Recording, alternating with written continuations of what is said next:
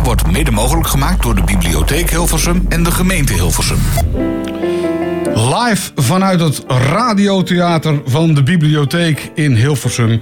Dit is Radio 509 Live. Welkom ook aan de mensen hier in het theater zelf. Met aan tafel de kopstukken van Radio 509.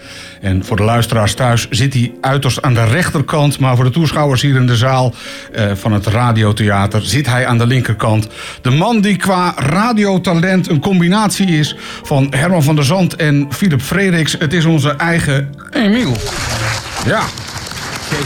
Maar ik ga, niet naar, ik ga niet naar een andere omroep of zo. Ah, Oké, je gaat niet naar een andere omroep. Dat is eh, goed, goed dat we dat nu alvast weten, Ja, eh, weet, je dat nu Emiel. al- weet je dat nu alvast. Ja. Ja, en ik doe het eh, niet eh, al- alleen vandaag qua presentatie. Want eh, eh, links naast mij eh, zit de dame die al eh, meerdere boeken, podcasts en vlogs op haar naam heeft staan. Annemiek van Munster. Ja, Ja, dat is inderdaad. Ik, ik had nog eventjes iets over Annemiek. Had Want je iets over Annemiek? Ja, nee, Annemiek, Nou, ik, ik, ga heb, ik rechtop heb zitten, van alles even wat voorbereid. Ja, eh, naast Emiel zit namelijk eigenlijk de Bobby Eden van Radio 509. Het is Annemiek van Munster met haar erotisch imperium. Zorgt ze voor de nodige opwinding die ze dan weer in verhalen vastlegt. Eh, natuurlijk. Ja, dat is, dat Oh, is onze eigen Peter, Annemiek. Peter, Peter. Eh, daarnaast zit overigens de woordvoerder arbeid van de VVD. Want ja, ook arbeid heeft tegenwoordig een woordvoerder nodig. Het is eh, Daan de Kort. Op door de weekse dagen zit hij in de Tweede Kamer voor de VVD. En eh, heeft een aantal mooie plannen. Eh, nou is het natuurlijk toevallig verkiezingstijd, dus we gaan hem zo vragen hoe dat precies zit met die mooie plannen. Maar je kent hem natuurlijk vooral als DJ Brian bij Radio 509. En van zijn spraakmakende gesprekken in zijn podcast Eye Opener, die je het ook, ook kunt beluisteren via de app van Radio 509. Dat is zoals hij gedaan. Ja, dankjewel en eh, leuk om hier te zijn. Ja. Eh, naast hem zit het laatste kopstuk voor eh, deze middag. Of tenminste, we hebben nog meer kopstukken in de zaal zitten. Maar voor nu is het eventjes Mike Krijgsman. Of zo heet hij de rest van de week trouwens ook. Ehm, ook ja, zit niet alleen nu. Eh, eh, ehm, Mike is sociaal ondernemer. En ook, hij, eh, ook hem zou je kunnen kennen van podcasting bij Radio 509. Want hij is te horen in een aantal eh, podcasts. Die ook te beluisteren zijn via de Radio 509-app. Waarin hij onder andere vertelt over zijn transitie. En dat is een verhaal dat zeker de moeite waard is om eens even naar te luisteren. Dus dat is ook wel even goed eh, om te weten. Als je de Radio 509-app nog niet aan de, op je smartphone hebt staan. Ehm, dankjewel Peter. ja, de kopstukken van Radio 509 hebben één ding gemeen. Ze zijn geboren voor de radio en podcasting. Want ja, ze horen allemaal net ietsje beter dan dat ze zien. Dus eh, Emiel, aan jou nu de microfoon. Ik zou zeggen, take it away. Take it away. Nou, Ja, gaan, we ja. Dat, gaan we dat doen. Eh, ik begin gewoon eventjes bij, eh, bij Daan, eh, als jullie het goed vinden. Eh, Daan, eh, Peter zei net al, eh verkiezingslid van de Tweede Kamer, maar nu is het verkiezingstijd. Ja. Eh, dus zit je nu niet in, ja, je zit nu hier, maar sowieso voorlopig niet in de Tweede Kamer. Want Nou, gisteren was de laatste, eh, ja, de laatste verkiezings... Of ja, het was vroeg Kamer- hè, vannacht las ik. Ja, ik... Het Ziet er goed uitgeslapen uit toch? moet ik ik, zeggen. ik lag om eh, kwart over vier in de hotelkamer in Den Haag. De stemmingen duurden tot eh, kwart voor vier vannacht. Dus eh, ja, en vanochtend weer op werkbezoek in Den Haag bij een, bij een andere sociale ondernemer. Oh. Dus ik heb niet zo heel veel geslapen. Maar eh, we hebben nu verkiezingsreces. Dus ik hoef de komende weken niet meer naar Den Haag. En eh, veel het land in. En om eerlijk te zijn vind ik dat ook veel leuker dan, eh, dan die vergaderingen in de Kamer. Dus ik ga de komende weken veel nou ja, naar events zoals dit. Maar ook werkbezoeken. en vooral het land in om ook campagne te voeren. Want ja, ik zit nu 2,5 jaar in die Kamer. En dat is super eervol en ook mooi om te mogen doen. En om in te zetten voor nou, onder andere mensen met een beperking. Maar ja, daar ga ik graag mee door voor nog een keer vier jaar. Dus eh, het is nu campagnetijd. Nou, mooi dat je dat doet ook. Ja. Ja, Ja. en eh, natuurlijk eh, kijken of, het, dan, eh, of je straks weer in die Tweede Kamer kan, eh, kan plaatsnemen. Want dat heeft natuurlijk alles met die verkiezing ook weer te maken. Ja, dus het is wel een staat spannende... vier- 24ste op de lijst, geloof ik. hè? Oh, Ja, nummer dus- 24 eh, van de VVD. Eh, dus eh, nou, een mooie plek. En volgens de peilingen moet dat wel lukken. Maar goed, het blijven verkiezingen. Dus het is eh, tot, eh, tot en met 22 november heel spannend. Ja, precies. Nou, eh, we gaan, gaan we het zeker nog over hebben. Mike, je- Peter Zeil, je bent sociaal ondernemer. Dat vind ik een mooie term altijd. Ja, klinkt heel luxe, wat, hè? wat, wat onderneem jij sociaal dan? Ja, wat ik sociaal onderneem, dat, dat is eigenlijk pas eh, recentelijk zo hoor. Sinds eh, vorige week woensdag. Oh, dat kijk ik. Ja, Ja, we, we precies. kunnen het, eh, het is een hele luxe term. En dat, ja, zo sta ik er zelf niet in hoor. Ik doe het met heel veel plezier. Ik ben eh, mijn bedrijf gestart eh, in voorlichting over eh, eh, genderdysforie en seksueel geweld. Dus dat is wat ik voornamelijk doe. En die voorlichtingen die zijn heel breed. Dat kan individueel zijn of in een groep. Op scholen of op woongroepen. Of ja, ik zit hier dus ook om, om in gesprek te gaan over een van de twee onderwerpen. Of, Of allebei. ja, of allebei. Dus ja, en ook om wat te vertellen over mijn bedrijf. Dus dat eigenlijk een beetje in het kort. Ja. Ja. Want, want maar dat, is nog, dat zijn natuurlijk eh, dat zijn best, ja, nou, denk ik, toch pittige onderwerpen om, om sowieso, nou, misschien om over te Ja, praten, één, ja. maar om er ook nog een bedrijf van te maken, is eh, Nou, misschien is- niet het meest waar je het eerst aan zou denken als je zegt iemand begint een bedrijf. Nee, dat, eh, dat, dat had ik zelf ook niet hoor. Ik, het zijn hele pittige onderwerpen, zelf niet meer om erover te praten. Het is natuurlijk wel zo dat, eh, dat je omgeving het alsnog heel erg pittig vindt. Ik vind het vooral waardevol en mooi. En wat ik mee heb gemaakt is ook heel pittig. Ehm, nu ik het heb verwerkt, kan ik daar dus inderdaad wat mee gaan doen. En ik heb het idee dat eh, anderen daar wel steun uit kunnen halen ook. En inspiratie en kunnen zien van nou, er kan open gecommuniceerd worden, er mogen vragen gesteld worden, aangezien het wel heel vaak zo is dat mensen heel boos zijn en heel erg in de weerstand zitten. En eh, dat wil ik juist opengooien en het te laten zijn. Ja, Ja. dus misschien is het dan goed voor mensen die dat misschien niet weten voor u precies is. Wat, wat, wat is, wat is dat? Kort gezegd zijn dat eh, mensen die, verkeerd, eh, die eh, geboren zijn eh, in een verkeerd lichaam. Dus als je man bent, of je, je voelt je geen man, maar je zit, je zit wel in een mannenlichaam en andersom.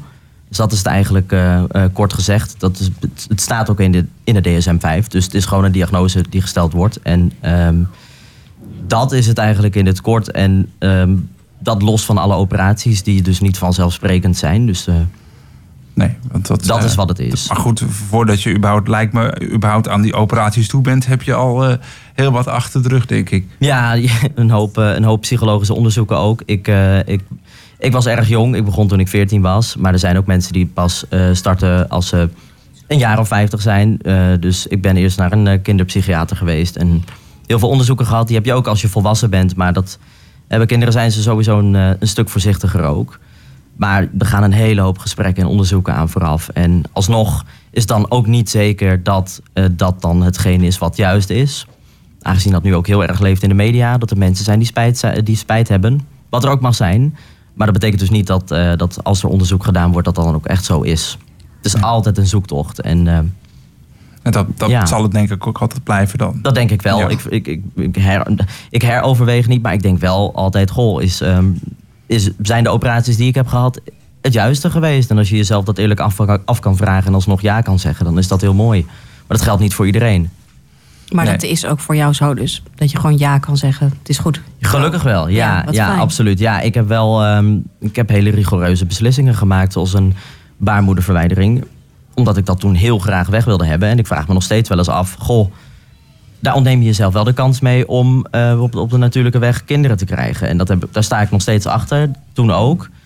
Maar ik ben wel iemand die daar eerlijk op reflecteert. En ik neem het niemand kwalijk als, als, als ze dat niet kunnen of willen of daar nog niet klaar voor zijn. Want het is een heel ingewikkeld proces ook. Ook nou als ja, en het is ook echt een heftige operatie. Zo'n Ja, buikoperatie ja, ja. is heel eh, veel risico's ook en dat soort dingen. Ja, er zitten voldoende risico's aan. En daarnaast ook nog, je hebt je operatie gehad en je bent blij, denken heel veel mensen dan. Maar bij mij was dat niet zo. Het was heel, eh, je moet het mentaal ook maar kunnen bolwerken. Dus ja, Ja, misschien ben je blij als je borsten verwijderd zijn. In mijn geval dan, omdat ik met borsten geboren ben.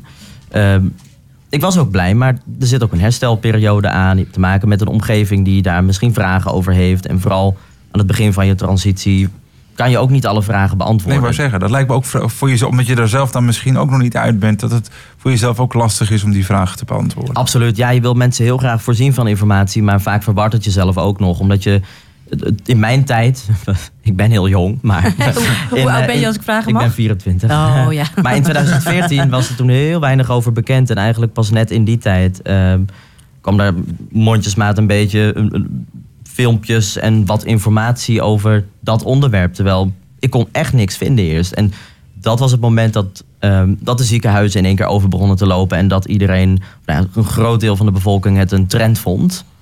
Dus ik had een beetje een verkeerde timing. Ja, ja, ja. ja. Ja, dus, Een soort eh, van bevlieging. Met dat mensen dachten, oh, Ja. het is een bevlieging. Ja, Dat, wordt, dat wordt nog steeds heel erg gedacht, omdat, omdat het onderwerp open wordt gegooid. En ik ben, ik ben het er wel mee eens dat je het mensen niet op moet dringen. Dus als ik voorlichting geef of als ik in gesprek ga met mensen, doe ik dat wel met mensen die dat willen horen. Ja. En heb ik respect voor iemand die op een ander punt van zijn proces zit. Ja. Dat hoeft niet allemaal. En hoe reageerde jouw omgeving daarop eh, toen je jong was? Wisselend. Ja. Ja, ik heb ehm, een aantal steunende reacties gehad, maar over het algemeen ehm, vonden mensen het heel moeilijk. Eén, omdat ik zelf niet heel duidelijk was en ik eh, was al tien stappen verder in mijn hoofd ook.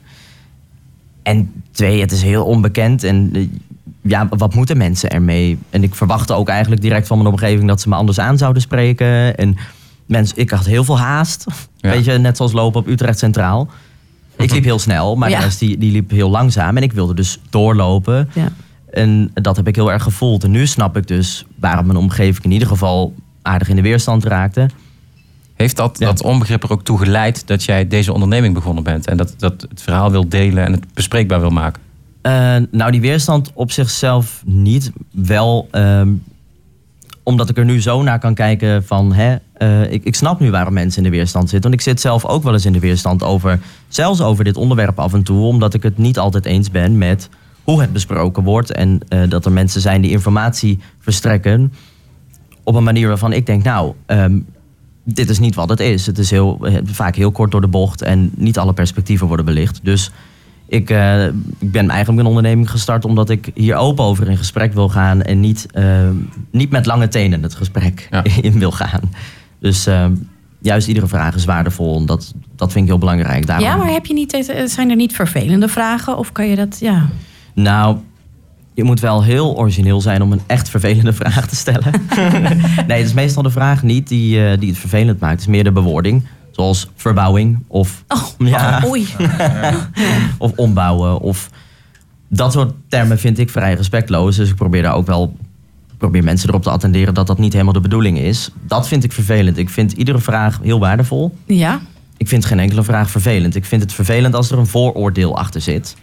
Want dan heb ik liever dat je de vraag niet stelt en eerst even je vooroordeel uit. Dat is Ja. meer de manier waarop de vraag gesteld Ja. wordt dan Ja. die, die vervelend kan zijn. Ja, ja, eigenlijk wel. Het is nooit de vraag zelf. Het is altijd, er zijn ook mensen die heel nieuwsgierig zijn. eh, maar er zijn ook mensen die alleen nieuwsgierig zijn over dat onderwerp en me willen bevragen. En daar sta ik niet voor open. Nou, misschien heb ik wel een hele vervelende vraag... die, die toch iets met een vooroordeel te maken heeft. Ik eh, probeer het gewoon. Eh, kun je inmiddels staan plassen zonder een hulpmiddel? Nee, nee dat kan ik niet. Nee, dat, dat heeft te maken met de verschillende ingeslachtsoperaties dus. Eh, ik heb ervoor gekozen om, eh, om mijn oude eh, plasingang nog, uitgang en ingang dus nog te houden. Omdat dat minder risico's met zich meebrengt.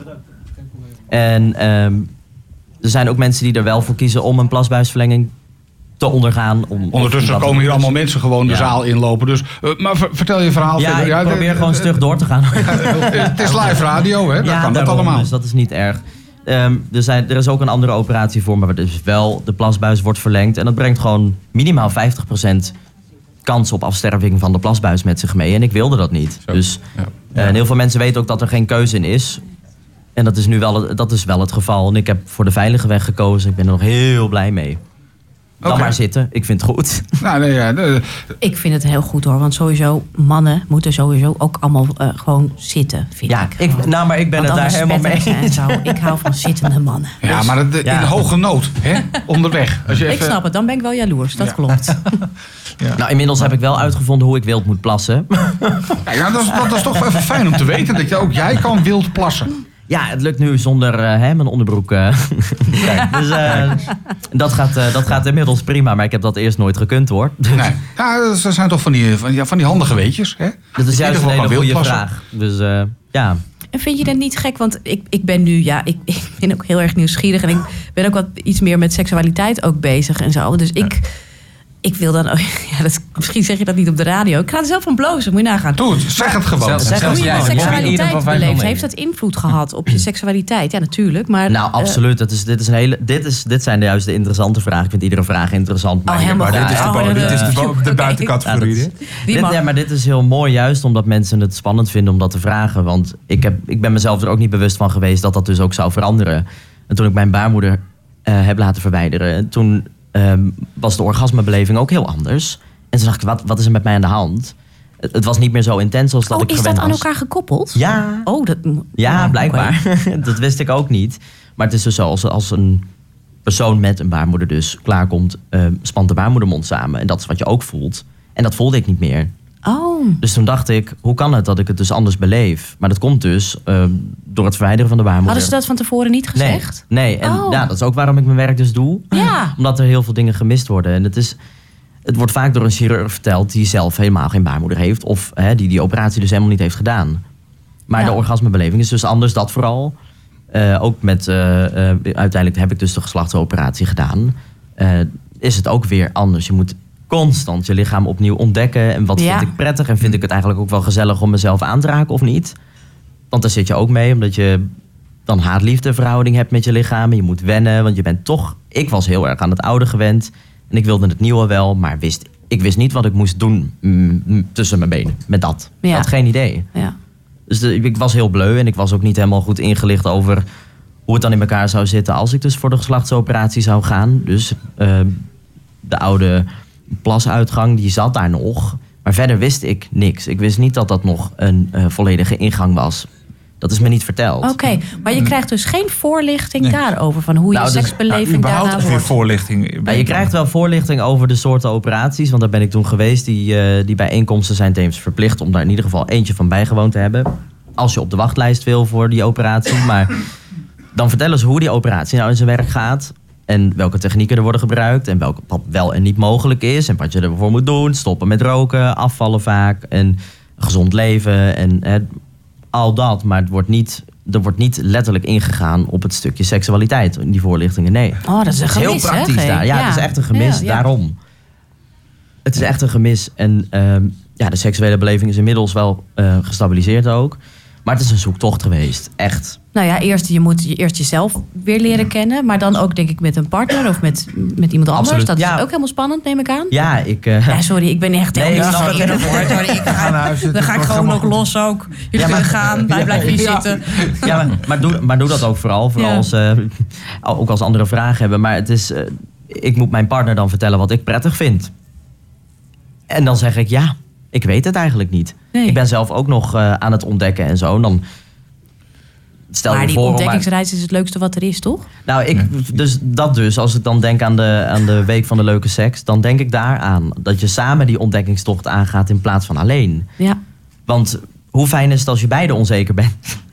Want, Nou, is, volgens mij is dat bijna altijd zo, hoor. ja, maar de, ja, Wanneer is die week trouwens? Ja, ik zit Ja. weer een week. was dat in maart? Oh, dat was in maart. Wanneer is Oh. van de leuke seks? Was Nee, dat voor, de, voor, de is rest, voor de rest heb ik geen seks hoor, alleen in maart. Oh,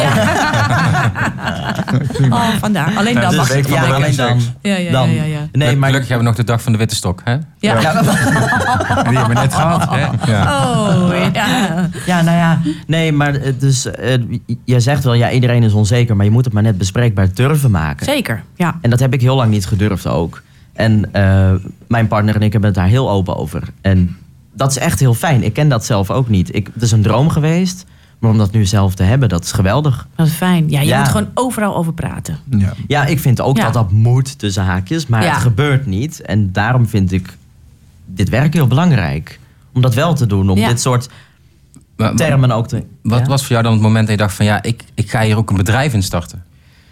Ehm, dat was het moment dat ik ehm, samen met degene die ik, eh, waar ik dus een andere podcast mee heb gemaakt, Christel heet ze, die, ehm, die had mij uitgenodigd voor haar bedrijf om mee te doen aan een, eh, aan een masterclass. Of ik daar een lezing wilde geven. Ik had geen idee, ik heb nog nooit een lezing gegeven, maar ik dacht ik ga het gewoon doen en kijken wat er van komt. En toen is het al heel snel, kwam het te sprake dat ze vroeg, ja, maar waarom begin je eigenlijk niet voor jezelf? En toen heb ik gezegd, dat ga ik niet doen. Dat kost me te veel stress en ik snap niks van financiën op dat gebied. En Mm. dit is te heftig en te eng en te... Oeh, ik heb best wel veel meegemaakt. En dan, eh, ik was nog niet verder aan het dromen. En toen, nou, dat is denk ik nu ongeveer een jaartje geleden of iets meer. En toen, Ja. en nu uiteindelijk, eh, het is een soort, het blijft in mijn leven. En op een gegeven moment kom je in een andere ontwikkelingsfase terecht, waarin je dus een beetje los wil breken van eh, de gevangenis van het UWV. Ja. Want eh, ik eh, had een arbeidsongeschiktheidsuitkering, een WIA, geen WAJONG. Mhm. En toen dacht ik, ik moet daar altijd in blijven. En op een gegeven moment ging er een knop om. Ja. En toen dacht ik, ik moet dit doen. ja, mooi. En dat is een aantal weken geleden en het is heel snel gegaan. Dus eh, ik heb er geen enkel moment spijt van. Maar het heeft heel lang geduurd voordat ik dit durfde ook. Ja, Daan, eh, Mike zei het net al, de, de gevangenis die het, van het UWV. Dat is, eh, Een mooi brug. Bleef bij mij ook Ja. gevangen, ja. Ja, dat is toch wat. Ehm, want blijkbaar ervaren mensen dat zo. Jij houdt je eh, bezig natuurlijk met arbeid, ook voor mensen met een beperking. Hoor je vaker dat eh, het UWV als een soort van gevangenis wordt ervaren? Ja, ik krijg wel veel berichten van, van nou ja, jongeren met een Bajong-uitkering of, of ouderen met een WIA-uitkering. Dat, dat, ja, dat, dat er dingen niet altijd goed gaan. Maar goed, ik wil, ik wil het zelf niet wegzetten als de gevangenis, maar ik herken het wel.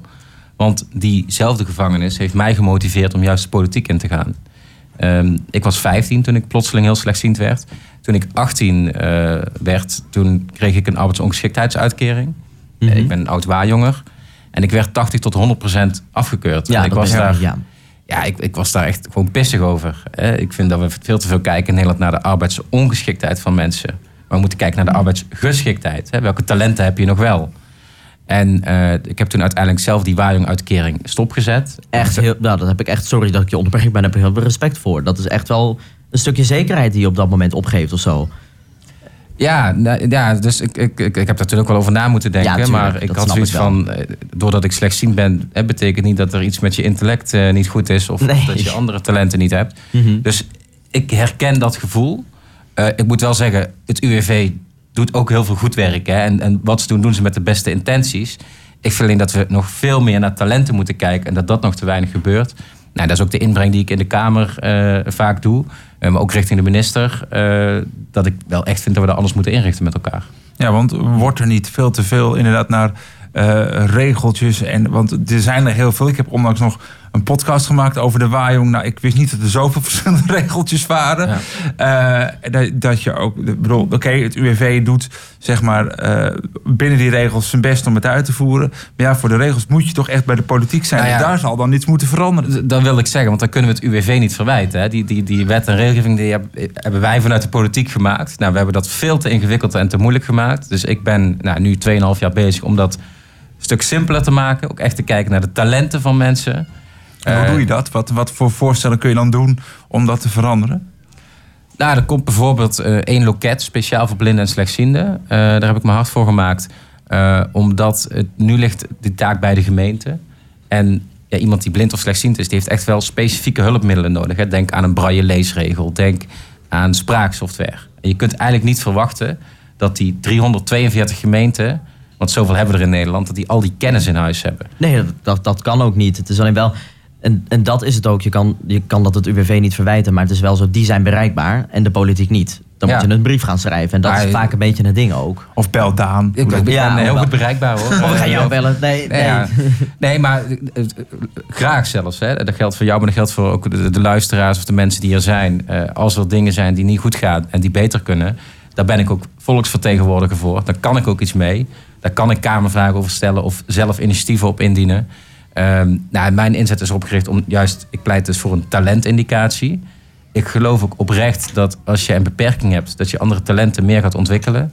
Eh, de beste IT-programmeur die heeft op zijn minst een vorm van, lichte vorm van autisme. Ehm, de beste audiospecialist bij de politie, hè, dus die de boeven afluistert, Mhm. die is blind of slechtziend. Eh, een vriend van mij is topfotograaf, heeft ook Kate Moss en het Koningshuis eh, gefotografeerd, maar die is bijna doof. Die heeft meer oog voor detail. Eh, dus we moeten echt vanuit die andere talenten gaan denken. Daar moet het UWV meer aansluiting bij vinden, eh, maar dat geldt ook voor gemeenten.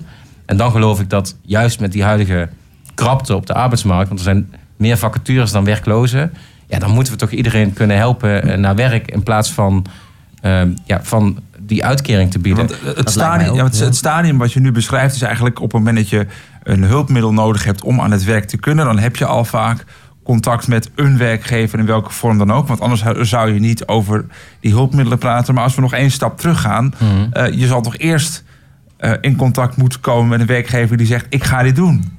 Voordat je over hulpmiddelen kunt gaan praten. Hoe, hoe zouden we daar veranderingen kunnen brengen? Want ja, ik geloof dat 30% van mensen met een visuele beperking heeft maar een Ja, een vorm, 29%, ja. een vorm van betaald werk. Dus daar zullen we toch ook iets aan moeten doen. Nou, dat is denk ik ook eh, het stukje participatiewet. Ik was, ik heb gezien dat mensen toen ze 18 werden gewoon even hop de waaijong aanvroegen. En dat dat gewoon heel gewoon was. En eh, met die overtuiging dacht ik dat dus ook te kunnen doen toen ik 18 was. Maar dat was dus niet zo. En die mensen, die worden ook, tenminste voor, ik- voor mijn gevoel, word je ook niet helemaal goed beloond of zo. Als je dan toch wel gaat werken, zeker in een waaijong. Ja. Mensen, worden er, ik, mensen zijn heel erg gepamperd, vind ik. En dat is een hele harde, nare mening. Maar Ja, het dat is wel wat ik gewoon... als groep, ja. Nou ja, Ja, het dat is, is wel ook- wat het het is is. gewoon heel moeilijk. Je, je, komt er, ge- je wordt er geen wijs uit.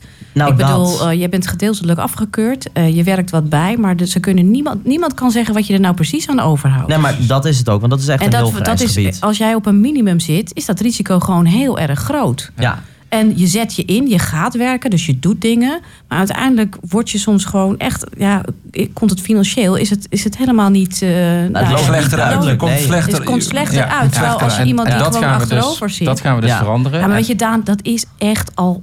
Ik geloof Nee, dat nee, het echt dat- al 15 Dit- dit- jaar zo dit, Oh, dit is onlangs. eh, Dit is al daar heb ik- zo heb- lang. heb ik me ook hard voor gemaakt, samen met collega's in de Kamer. Kijk, weet je wat het probleem is? Als jij een beperking hebt en je hebt die, die, bijvoorbeeld een WIA-uitkering eh, of een waaijong-uitkering. Ja, stel je gaat werken en het valt tegen, want eh, een ziekte kan zich ook progressief ontwikkelen en je kunt niet meer terugvallen op die uitkering, dan snap ik heel goed dat mensen die stap niet durven te maken, want dat het ook heel onzeker is. En we willen er nu voor gaan zorgen, en ik vind dat het echt prioriteit moet zijn voor een eh, volgend kabinet, dat, dat als het even tegenzet, dat je ook altijd kan terugvallen op die uitkering. Dan heeft het ook zin Nou ja, in principe om die kan stap dat naar werk te voor maken. vijf jaar of zo. nou, het En kan, het kan nu al het lang. kan nu. Dat verschilt per uitkering. En ik vind dat je dat voor alle uitkeringen zou moeten kunnen doen. Ehm, dan durven mensen ook die stap naar werk te zetten. En ik, ik heb nu te vaak jongens gesproken, met name die die stap niet durven te zetten. Ja. Omdat ze niet meer terug kunnen vallen op de Maar ik, uitkering. ik, ik snap Nou ja, ook en niet zo... en waarom, waarom kan er echt na zoveel jaar nog steeds geen financiële duidelijkheid? Joh, ik ben zoveel procent afgekeurd, ik verdien dit en dat bij. Wat gebeurt er dan? Dat kunnen ze dus niet zeggen. Nee, want er wordt altijd een schatting gemaakt. De schatting en, en, daarna- en dan de daarnaast ook nog... belasting. En eigenlijk En weet je anderhalf, pas, anderhalf jaar later pas wat je hebt verdiend. Maar ben, jij, ben, ben jij zelf ook visueel beperkt? Want het is Ik mij heb, niet... ja, Want ik ben eh, ik merk aardig wat frustratie namelijk. Ja, nou Dus, eh, zeker. Ja, ja, ja. nee, maar ik vroeg me af waar dat... Mag ik vragen waar dat dan precies vandaan frustratie komt? komt niet over mijn slechtziendheid. Nee, nee, maar, ik was UWV gewoon benieuwd. Ja, het- ik vind het een moeilijk eh, onderwerp altijd. UWV, Ja, maar dat snap ik het- ook, ja. Het is al zo lang eh, dat, je, dat, dat, dat hetzelfde probleem alsmaar gewoon aanblijft. En dat vind ik lastig. Dat is het ook. En zeker omdat heel veel ook gewoon... Als ze, of ze krijgen een herkeuring of ze worden nooit meer hergekeurd. Ik herken heel veel mensen in mijn omgeving zonder namen te noemen. Ik denk, nou, als die een herkeuring krijgen... die hebben daar helemaal geen recht op. Ja, en andere worden wel herkeurd waarvan je En- denkt van ja, dat. dit- dit- dat is niet nodig. Ik bedoel, over een eh, twee jaar later is dat been niet in één keer aangegroeid of zo. Hè? Dus, nou ja, dat. Dus ik vraag me af, waar, wat, wat is dan precies... waarom wordt niet iedereen hergekeurd? Waarom, waarom Nou, is dus- dat? Is daar geen geld voor? ja, d- er zijn heel veel grote wachten. Kijk, ik, zit er niet namens het Ja, UWV. Ja, nee, maar, ik, nee, maar het is meer, ehm, meer echt een vraag. Ik, ik heb dezelfde frustratie als jullie. En dat heeft mij ook gemotiveerd om eh, de politiek in te gaan. En dus ook daaraan iets te veranderen. Ehm, nou, de wachtlijst is een enorm probleem. Ja. Er zijn te weinig eh, artsen. Ja, Ehm, nou ja, daar kan jij ook niks aan doen. Nee, maar daar moeten we wel iets aan doen. En Ja. mijn oplossing is, we moeten ook anders gaan keuren. Hè? Dus ik zeg, Ja. we kijken niet meer naar de arbeidsongeschiktheid, maar naar de geschiktheid, naar de talenten van mensen. Ja, en als we staan. daarbij aansluiten en ook zorgen dat de juiste voorzieningen tijdig, want daar had jij het eh, over, eh, voorzieningen er tijdig zijn. Wat mij betreft zelfs als je nog geen werkgever is, maar dat je alvast ehm, aan de slag kan, aan jezelf kan werken. Persoonlijke ontwikkeling, eh, een opleiding, noem maar op. En ik hoop dat, want er zijn ook nog te veel werkgevers die koud watervrees hebben om iemand met Ja. een beperking aan te nemen. En Ja, daar ligt, daar ja. ligt denk ik ook nog een hele Maar daar is, daar is ook een mooie regeling voor. Alleen werkgevers vinden dat alsnog heel spannend natuurlijk. Eh, wat was de indicatiebaanafspraak, zoiets? Ja. Dat was het als je in het doelgroepenregister staat. Ik heb wel eens gehad dat ik bij een werkgever zei... nou, daar sta ik in, dus het is ook een voordeel voor jou om dat te gaan doen. Omdat ik dacht, nou, anders nemen ze mij echt niet aan. Ja. Dus bij heel veel zijn ook wel bang dat je bijvoorbeeld hè, de dynamiek in het bedrijf... eh Nou ja, en ik, gaat zitten verstoren met je beperking. en ik vind dat we die groep breder moeten trekken. En dan, Ja. dat, dat, heet dan, ik zal niet te veel de techniek in eh, gaan, de no- de no-risk polis. En dat houdt Ja, in... ga je dat- inderdaad wel heel erg. Ja, maar dat- waar het op neerkomt is... Kijk, werkgevers hebben vaak, vind ik, te veel koudwatervrees... om iemand met een beperking aan te nemen. Ehm, en wat we kunnen doen met die no-risk polis... is dat als iemand uitvalt bij ziekte... dat die kosten dan niet bij de werkgever komen te liggen, maar bij de overheid. En doordat we dat wegnemen, Ja, maar Daan, Dan dat, is, durven meer dat is ondernemers ook dat al te heel doen. lang. Nee, maar ik wil dat breder trekken. Dat Ja, er meer mensen daar aanspraak op kunnen maken. Dat is wat ik eh, net aangeef. En ik, want bij die groepen waar het nu voor geldt, hebben we gezien dat ook meer ondernemers dan ook iemand een kans durven te geven. Maar er zijn ook nog te veel groepen die daar niet onder vallen. En wat mij betreft verbreden we dat, zodat meer mensen een kans krijgen. Oké. Ja, ik vind het dus wel heel mooi om te horen. Ik heb nu eindelijk iemand naast me zitten die ik direct aan kan spreken. En die- Ik vind, ik vind je visie enorm mooi juist. Dat je wel echt voor die verbetering wil gaan. En ja, natuurlijk, net zoals met het onderwerp seksualiteit, dat duurt lang. Dat, dat duurt jaren. En je moet heel veel geduld hebben hiervoor. Ja, en er wordt heel, veel er wordt heel Ja, veel aan je nou. getrokken, denk ik ook, eh, als het om dit onderwerp gaat. En over, je zit wel in een positie. Lijkt me wel heftig. Nou ja, het is ook mooi om te doen. Ik bedoel, als je eh, een mening hebt, is er geen mooiere baan dan eh, Kamerlid zijn en nieuwsgierig bent. Dus, Maar ik ben het mee eens, je moet veel geduld hebben, zeker voor de Haagse politiek. En eh, ik ben nog, kan nog wel ooit ongeduldig zijn, dus dat is wel ooit dus, een uitdaging. Dat is wel Dus, goed voor eh, je werk ook. Dus een hoop schriftelijke vragen Ja. die eh, gaan richting eh, ministers en staatssecretaris van jouw kant. Om jongens een beetje op schiet te gaan. Kamervragen, moties, Ja, ja, eh, initiatiefvoorstellen, ja, hoort er allemaal bij. Ja, jee. En, eh, maar goed, eh Mike, als je het allemaal zo hoort, ben je wel ook blij dat je je eigen onderneming bent gestart? Of denk je ook wel eens van, waar ben ik aan begonnen? Eh, Nou, ik, ik heb echt gedacht, als ik me nu in ga schrijven bij de Kamer van Koophandel, kan ik even een luier aan doen. Want eh, het is allemaal zo spannend. En, oeh, maar ik, ik, ik ben vooral blij dat ik het heb gedaan, omdat ik nou, een risico durf te nemen om te zeggen, nou, oké, ik zit dan in een via-uitkering eh 80 tot 100 procent afgekeurd. Maar ik heb, nou, as we volgende week een gesprek met het UWV om dat door te geven, onder andere. Eh, Ja, ik ben heel blij en ik vind het enorm spannend. Maar als ik dit dan weer hoor en hier weer zit, denk ik, ja, dit is het juiste.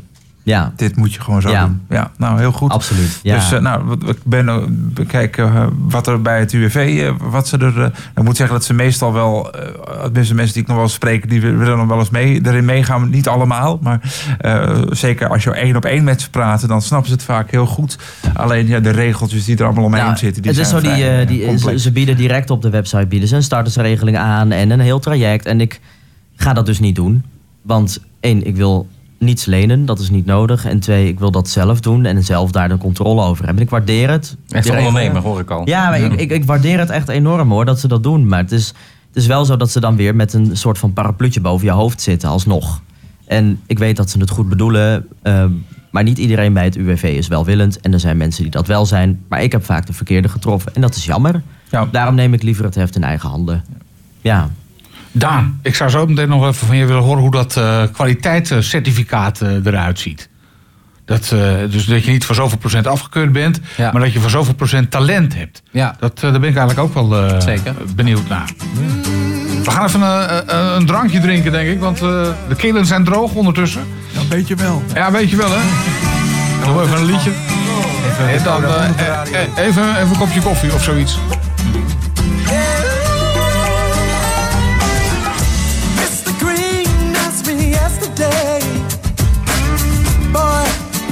Wanna be? Yeah, with some work in 10 years or so, you could be sitting here just like me. Yeah, he said your future looks crystal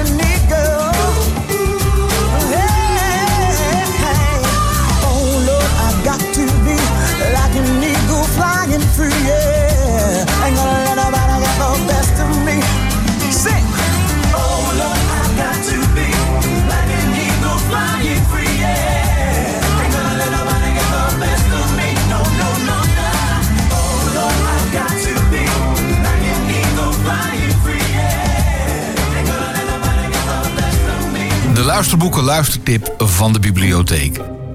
In deze aflevering het nauwelijks te bevatten verhaal van Maarten Dammers. Alles begint voor mijn ogen te draaien en voor ik het weet zit ik onbedaarlijk te huilen. De waanzin dat een fles port mij terugbrengt naar kalmte en overzicht is te bizar voor woorden. Maarten Dammers dronk zijn eerste biertje toen hij 13 jaar oud was. En het voelde als thuiskomen. Maarten zou je kunnen kennen van het RTL 4-programma Verslaafd. 45 jaar lang danste hij op de vulkaan. Nachten doorhalend op drank, coke, speed en zijn eigen hoogmoed. Tot de onvermijdelijke val. Slechts heel soms, als ik een korte opleving heb, zet ik muziek op en steekt een vertrouwde hoogmoed de kop op.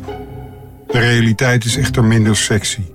Mijn dekbed zit onder het braaksel van vooral de port die ik zelden binnen kan houden. Na talloze mislukte pogingen om nu echt te stoppen, zette zijn vrouw hem het huis uit en belandde hij in een tentje in het park in Alkmaar. Ik ben inmiddels aanbeland op een hele duistere plek en heb de hoop opgegeven. Kan ik er niet beter uitstappen? Ik drink de laatste tijd voornamelijk port en wodka en zuip mezelf van roes naar roes. In Ik ben Maarten en ik ben verslaafd vertelt Maarten Dammers op een eerlijke en niets ontziende wijze zijn ongelofelijke verhaal van een mateloos en soms machteloos leven. Tien jaar geleden zet hij de eerste stappen op weg naar herstel. Iets waar hij nog elke dag aan moet werken. Het is altijd druk op de zaterdagavondmeeting van de Cocaine Anonymous in Alkmaar. Ik kom hier al twee jaar nagenoeg iedere week. Voordat de meeting om 8 uur begint, staat het merendeel van de bezoekers nog altijd buiten te roken en koffie te drinken. Zenuwachtig, een beetje verlegen zelfs, loop ik tussen de mannen en vrouwen door naar de ingang. Wonder boven wonder wist hij zelfs weer contact te krijgen met zijn vrouw en dochters. Ik voel dat Wies mijn hand pakt. Ze is al vaker mee geweest en vindt het indrukwekkend en mooi. Links en rechts groet ik mijn fellows en fella's. Een rauw, openhartig en confronterend verhaal. Nu te leen als luisterboek bij de bibliotheek. Luisterboeken kun je beluisteren met een gewoon lidmaatschap van de bibliotheek... via de app van de bibliotheek, maar ook via je computer. Ga naar onlinebibliotheek.nl onlinebibliotheek.nl Radio 509. Radio 509. Live vanuit de bibliotheek in Hilversum. Zeker zijn we nog eh, live vanuit de bibliotheek in Hilversum. Met eh, een toch goed gevuld theater. En voordat we zo dadelijk eh, verder gaan praten met Daan Krijgsman en Daan de Kort... gaan we eerst eventjes over naar Ilonka. Want ook jij hebt een bijzondere gast bij de microfoon. Ja, er zijn een heleboel bijzondere gasten in de bibliotheek vandaag. Maar we hebben goed nieuws. Want behalve de luisterboeken die je kunt lenen... gaat er ook een historisch café Hilversum starten. En de initiatiefnemer daarvan, Rob Dokter, zit hier in de zaal. Wanneer gaat dat allemaal gebeuren? Dat gaat eh, voor het eerst gebeuren in eh, november, op 23 november om precies te zijn. Donderdagavond van, uh, van 8 tot een uur of half 10, 10 uur. hebben we het eerste historisch café in Hilversum. Naar voorbeeld van wat al een aantal jaren in Amsterdam en in Naarden gebeurt. Waar we een, een historisch onderwerp, en dat zal bij voorkeur betrekking hebben op Hilversum, maar dat hoeft niet per se, aan de orde stellen. Bijvoorbeeld een boek wat verschenen is. Iemand die een, die een een, interview geeft, een, eh, een ander onderwerp wat, wat historisch van aard is. In een hele ja, ontspannen, uh, een beetje café-achtige setting bespreken. En dat doen we dan hier in de, in de bibliotheek. Met hopelijk zoveel mogelijk interactie met het publiek ook. En na, na afloop in het café dan ook de nazit, waar nog, nog nagepraat kan worden. Het, uh, de eerste aflevering, zoals ik zei, zal donderdag 23 november zijn. Waarbij uh, onder de titel Oorlog in het Gooi. de plundering van Hilversum en de andere dorpen. door Wim Dral en Hugo Landheer. een uh, voordracht en een interview gehouden wordt. naar aanleiding van het boek wat zij geredigeerd hebben. Oorlog in het Gooi. De gebeurtenissen in Naarden en de omliggende dorpen in 1673. Dus 350 jaar geleden oorlog en de moeite waard om even bij stil te staan. Dankjewel. Tot zover eventjes. Uh, dus 23 november hier in uh, de bibliotheek. Uh, in Hilversum. We gaan nu even terug naar het nu. nog steeds bij Annemiek en bij aan tafel natuurlijk Daan de Kort en Mike Krijgsman. Daan, ik ga maar even meteen door met de, de, vraag die Peter eigenlijk net stelde voor de muziek. Van inderdaad, vroeger gingen we uit, gingen we naar wat, wat, wat men niet kon. Nu van wat men wel kan. Hoe Hoe, ga, hoe zou dat moeten gebeuren volgens jou? Nou ja, dat is, dat is tenminste wat ik voorstel. En zover zijn we nog niet. Ehm, kijk, als je bijvoorbeeld, je krijgt een via-uitkering, dan, word je, dan moet je een hele lijst invullen. Dat heet dan de functie-mogelijkhedenlijst. Daar kijken ze vrij... Alleen die namen al, hè? Wie Ja. bedenkt dat? Nou ja, precies. En daar wordt heel. ehm, is eigenlijk een soort vinklijstje. Gekeken van, nou, je hebt die beperking, dus je kunt die en die beroepen niet meer uitoefenen. Het is best wel een lange lijst ook, met heel veel ingewikkelde termen en Ja. zo. Ik heb hem ook voor mijn neus gehad namelijk. Ja, dus, het is eh, vrij technisch, ja. het, is, het is ingewikkeld en er komt dan een percentage uit, echt tot op de komma nauwkeurig. ja. En daarmee wordt ook de indruk gewekt alsof het helemaal te berekenen valt. Nou, ik ben het daar niet mee eens. En eigenlijk is het geen arbeidsongeschiktheidspercentage, maar een inkomenszekerheid. Maar goed, waar ik naartoe wil is, ik vind dat we veel moeten aansluiten bij de persoon. En ik gaf al aan, ik geloof als je een beperking hebt, dat ook andere talenten zich juist beter kunnen ontwikkelen. En ik denk dat het moet door meer in persoonlijk contact met iemand te gaan. Dus niet door een vinklijst in te vullen, maar echt nou ja, ook de persoon die voor je zit, dat vanuit het UWV een spiegel wordt voorgehouden van ja, wat, waar liggen jouw talenten, waar, wat zijn jouw ambities? En ehm, ook kijken of dat realistisch is. Maar ik, ik geloof over het algemeen dat iedereen, nou ja, hoe groot of klein ook talenten heeft en zijn steentje kan bijdragen. Zijn deze plannen al aardig concreet? Of hoe ver zijn jullie daar dan eigenlijk in? Eh, van nou, eh, letterlijke vragen die het UWV bijvoorbeeld beter kan stellen dan dat ze nu doen? Of hoe ver Nou zijn jullie in dat proces? Ik, ik heb voorgesteld om dus te gaan naar een talentindicatie. hè, En, en kijk, als Kamerlid bemoei ik me niet met welke vraag er ex- exact wordt gesteld. Maar ik wil Nee. een, een andere manier, een andere houding, een andere manier van werken. En wat ik daarmee eh beoog te bewerkstelligen, is dat we ehm, ook de juiste voorzieningen aan iemand geven. Zodat je die weg naar werk of naar een studie kan vinden. Ja, dat is heel Nou ja, die, die voorstellen heb ik ingediend. Ehm, en daar, daarvoor moet best wel een grote wijziging plaatsvinden. Ja, het is niet zomaar wat, nee. Nee, in 2024, eh daar wordt nu door een onderzoekscommissie naar gekeken. Nou, en dan hoop ik dat een volgend kabinet in eh, ja, eind volgend jaar daar ook, eh, dat ik daar een meerderheid voor ga krijgen. Ja, ik Ook hoop bij andere partijen. Want Ik ben hoe- echt... eh, Ja, want hoe ga je dan controleren? Want dan moet je op een gegeven moment, wordt dat misschien veranderd. Maar dan wil je neem ik aan toch ook wel weten of ze dan wel de juiste vragen stellen. Nou ja, maar dat doe ik door bijvoorbeeld op, eh, op werkbezoek te gaan. Bij het UWV of bij een bedrijf die veel mensen met afstand tot de arbeidsmarkt plaatst. En daar hoor ik ook, eh, krijg ik ook signalen van wat er niet goed gaat, wat er beter kan. Nou, nou, die ervaringen, die neem ik dan mee naar de Kamer. En vanuit die ervaringen en verhalen doe ik ook voorstellen eh, in het debat. En eh, hoop ik daar meerderheden voor te krijgen. Nou, dit zou dan, eh, als het allemaal gaat zoals ik graag zou zien dat het gaat, eind 2024 eh, hopelijk concreet kunnen worden. Als we dan een beetje vlot een nieuw kabinet hebben. Want dat moet eerst nog even gebeuren. Nou ja, dat, ik, ik hoop toch niet dat het langer gaat duren dan de vorige keer. Want dat was de langste formatie ooit. Maar het eerste is aan de kiezer. Een spannende tijd. Hè. 22 november eh, mogen we allemaal naar de stembus. Ja, en dan eh, gaat eh, dat proces weer van start. Ja, ik, heb, ik ben- me er nooit bewust van geweest dat werkbezoek ook binnen het takenpakket van jou valt bijvoorbeeld. Ja. Dus dat is ook wel, wel fijn om te weten, ook misschien ook voor anderen, omdat ik echt een ander beeld voor me heb, dat ik er niet heel veel van weet. Nou, dat is juist het leukste. Want als ik alleen maar zou moeten vergaderen en debatteren... dan zou ik de baan niet zo gaaf en leuk vinden als ik hem nu vind. Ja, geen idee, sommigen vinden het misschien wel wat, maar dat Nee, is maar ja, dat is ook leuk. Maar die variatie en, en juist het land ingaan bij mensen... Nou, bij bedrijven langsgaan, bij scholen langsgaan... in gesprek gaan en horen Ja, wat, hoe, hoe we Nederland... wat een super gaaf mooi land is... maar nog een stuk mooier kunnen maken. En er gaat ook nog helaas... gaan er nog genoeg dingen niet goed. Nou ja, die hoor je juist wanneer je op werkbezoek gaat. ja, vind ik en heel met- mooi dat je dat doet juist. Ja, Ja. en met ondernemers spreekt zoals, eh, zoals jij. Hey, Hey, en, en hoe bepaal je op, welk werkbezoek je gaat? Kies je dat zelf? Wordt, of wordt het jou gevraagd? Kom op bezoek? Eh, langs? nou, we krijgen heel veel, eh, en ik ook, heel veel verzoeken van, van bedrijven. Die zeggen van, nou, kom een keer bij ons langs. leuk. Ehm, ehm, maar ik heb ook zelf, nou ja, dat ik denk van, ik wil juist bij, bij die organisatie eens in, in de keuken kijken. Dus ik, ik, kan zo- ik maak er mijn eigen afwegingen in. Ehm, en dat is wel het mooie als Kamerlid. Ehm, je, de deuren gaan altijd voor je open. Dus je, je hoeft maar te bellen van, we willen langskomen. Ja, iedereen vindt het mooi dat er een Ja. Kamerlid langskomt. Dat er ook aandacht voor, voor dat bedrijf is. Ehm, Kun je dat- ook namens iemand anders bellen? Het zou wel handig zijn als de deuren zomaar open zouden gaan.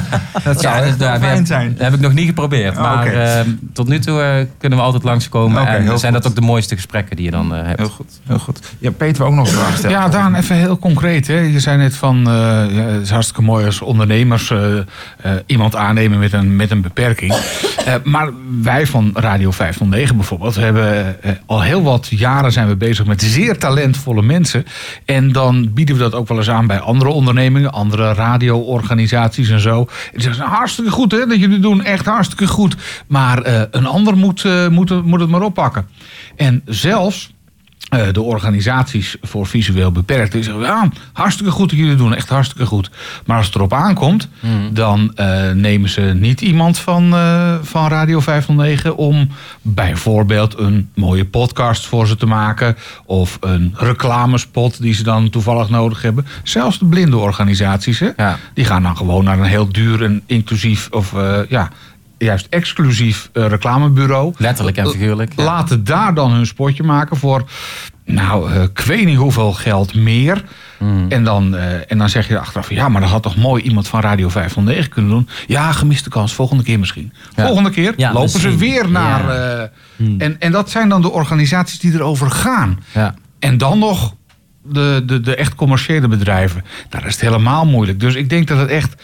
Ja, het is, je hebt nog zoveel hindernissen te nemen... voordat iemand überhaupt iemand aanneemt met een, met, met een beperking. Ja, nou ja, goed, en daar stoor ik me ook aan. Dus ik, eh, ik ben op een missie en er is nog genoeg te doen. Dus daar ben ik met, met Peter eens. Ehm, en wat kan ik vanuit de Kamer eraan doen? Door bijvoorbeeld het, het, het risico meer bij de overheid neer te leggen. Waardoor die ondernemer eerder durft iemand aan te nemen.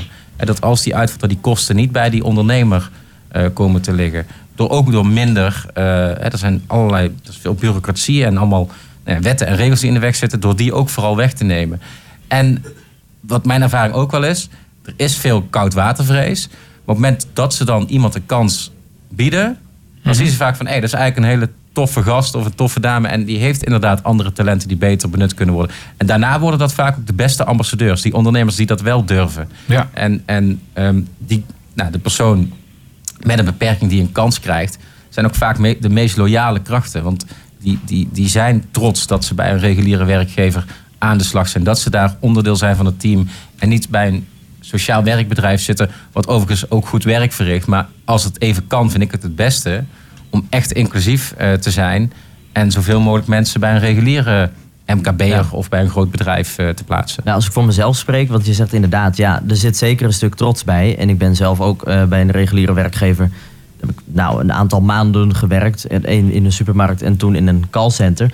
Maar ik moet wel zeggen dat vaak, als ik voor mezelf spreek en vast ook voor anderen, dat er een, dan een overtuig, over- overtuiging leeft van, oh oké, maar als er dan iets misgaat of als, het, als ik mijn grenzen aan moet geven, dan doe je dat minder gauw, want ik ben al zo blij dat ze mij aan hebben genomen.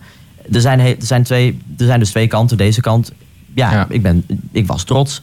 Maar ik heb wel, eh, ik heb mezelf wel in- ingeschikt daarin ook. Omdat ik dacht, ja, wacht even. Dan wel misschien een wiebelige schakel. Niet een zwakke Ja. schakel, maar wel een wiebelige schakel hier in dit bedrijf. Ja. Dus ik moet wel me, ja, in ieder geval eh, even terughoudend opstellen. Ja, en dat zou eigenlijk niet zo moeten zijn. maar de En overtuiging leeft vind- wel natuurlijk. Nee, maar en tegelijkertijd vind ik het logisch hè, dat, dat, Ja. dat je dat doet. Dus dat, dat wou ik eraan toevoegen. Nee, en waar het, het hoor. probleem zit, is... ehm, kijk, een werkgever kan ook niet meer het schaap met de vijf poten verwachten. Hè. We, we hebben heel veel eh, ja, vergrijzing en ontgroening. Dus we krijgen ook steeds minder kinderen. Dus we hebben iedereen heel hard nodig. Hè. En werkgevers zijn ja, schreeuwen om personeel. Dus ze moeten ook wel ehm, mensen eerder een kans bieden. Waar ze voorheen waarschijnlijk gedacht hebben, die bied ik geen kans. Nou, daar vind zijn ik van alles voor- van. Ja, maar. Ja, maar ik, het is mooi dat het gebeurt. En laten we dat voorop stellen. Want ik, ik, ben, ik ben absoluut niet boos meer en dat soort dingen. Maar is wel belangrijk dat, dat zeker omdat je ook een visuele beperking hebt, die overtuiging is zo sterk. En nu hebben werkgevers va- vaak niet eens een, een keuze. En vaak, volgens mij, is het in sommige bedrijven is het verplicht om iemand aan te nemen die afstand heeft tot de arbeidsmarkt, dacht ik. Nou, je, je kunt er ook subsidies voor krijgen. Ja. En, en, zijn, en je hebt dan de banenafspraak, maar er is Ja. geen verplichting. En wat, ik, wat me dan wel stoort, en dat, nou, die frustratie deel ik ook met Peter. Mhm. Ik vind dat juist de overheid en ook een organisatie die dan bijvoorbeeld een maatschappelijke organisatie, die moet het goede voorbeeld geven. Ja. En je ziet dan wel in die, zo, die banenafspraak dat juist eh, commerciële, eh, het bedrijfsleven, Mhm. meer mensen met een beperking een kans geeft dan de overheid. Nou, en dat Absoluut, stoort me wel ja. dat ministeries, provincies, gemeenten, ja, die kunnen nog wel veel meer doen om nou, mensen zoals jij en ik Ja. eh, een kans te bieden. Absoluut helemaal mee eens. En ik denk ook wel dat dat, dat dat voor gaat komen. Maar ik denk wel inderdaad dat jij je missie echt nou, bijna moet voortzetten om dat te kunnen bewerkstelligen. Ja. Ja. dat vind ik wel heel belangrijk wat je doet. Nou ja, dankjewel. Ja, En dat gaan we dus zien op, eh, twee, of eigenlijk, eigenlijk na 22 november. Hè, als de, als de, als de, de stemming, stemming is geweest. We, hebben, we zijn met z'n allen in de stembus geweest. Gaan we dus zien of jij ook eh, je... Je, hoe heet het? ja, je, je, je, je Of je mag blijven. Ja, hè? Mag blijven, ja. ja, want, ja, want eh, Maar daar kunt u voor zorgen. Hè? Ik, zal, Nee. ik zit hier om reclame te maken, maar dan toch Nou. lijst 1, nummer 24. Dan heb ik het toch maar even benoemd. Ja, want stel, Toch maar even. Stel, want stel, je nou, stel je nou voor dat, dat je niet terugkeert in de Tweede Kamer. Heb jij, kun jij dan... ik bedoel, je hebt van alles al gedaan, ook op politiek vlak. Niet alleen nu in de Tweede Kamer, maar je bent ook wethouder geweest. Je bent raadslid geweest. Kun je dan zo iemand bellen en zeggen... jongens, ik zoek nog een baan? Ja, maar dat kan iedereen. Ik bedoel, dat, Nou ja, dat is nog maar weer de vraag, Ik, maar- ik geloof oprecht dat iedereen dat kan. En voor de ene is de uitdaging groter dan de ander. Maar nogmaals, ik geloof dat iedereen heeft talenten. Kijk, of je moet echt meervoudig gehandicapt zijn. En dan, dan hebben we het gelukkig in Nederland ook goed geregeld... dat je dan een fatsoenlijk vangnet krijgt. En die hebben ook talenten ergens. Ja, dus het is alleen Ja. ook echt heel hard zoeken, dat vooral. En voor de Ja. ene is vrijwilligerswerk het hoogst haalbare. En voor een ander weer iets anders. Maar dan komt er weer een andere mooie uitdaging. Maar ik wil het liefst eh, wel op dit vlak eh, actief blijven. Daan, we praten zo na het nieuws en na de muziek even verder. Pak er nog even een drankje bij en horen we zo alle details van jou. Radio 509. Dit programma wordt mede mogelijk gemaakt door de Bibliotheek Hilversum en de gemeente Hilversum. Live vanuit het radiotheater van de bibliotheek in Hilversum.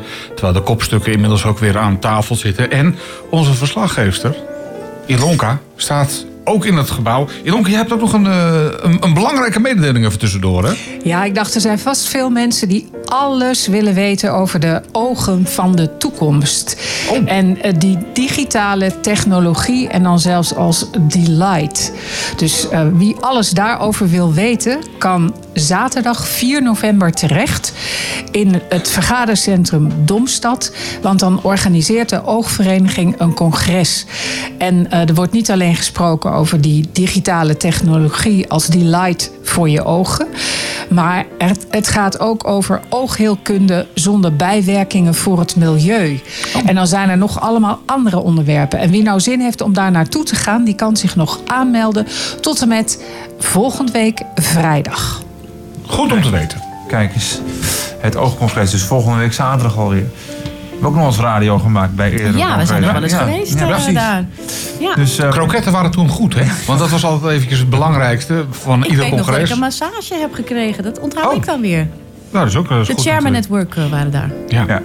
Ja, nee, wij, doen- wij, doen meestal op, op locatie deden we meestal ook een uh, krokettentest. En deze waren goed. Dus dat is Als we ergens zijn, moeten we even de kroketten testen. Dus dus- dat. Maar goed, dat is de volgende week. Nu zijn we nog steeds hier in, eh, de, in het eh, theater van eh, de Biep hier in Hilversum. Eh, nog eh, tot, eh, tot zes uur gaan we, gaan we verder. Annemiek, we gaan het straks ook nog even over, over jouw, eh, ja, jouw nieuwe Ja, jouw hoe ik boeken. werd Ja. aangekondigd, dat ben ik Ja. nog niet vergeten. Nee, de Bobby Eden van Radio ik herhaal het nog 509, een hè? Vijf het erin. Ja, maar ja, we willen straks we willen wel, wel, wel iets, iets meer over weten. Ja, dat dacht ik Ik ben Ja, heel ja, benieuwd. Ja, dus... eh, Ga ik allemaal vertellen. Oké, en dat gaan we zo meteen nog doen. Eh, verder natuurlijk ook nog eh, bij ons aan tafel Mike Krijgsman en eh, Daan de Kort.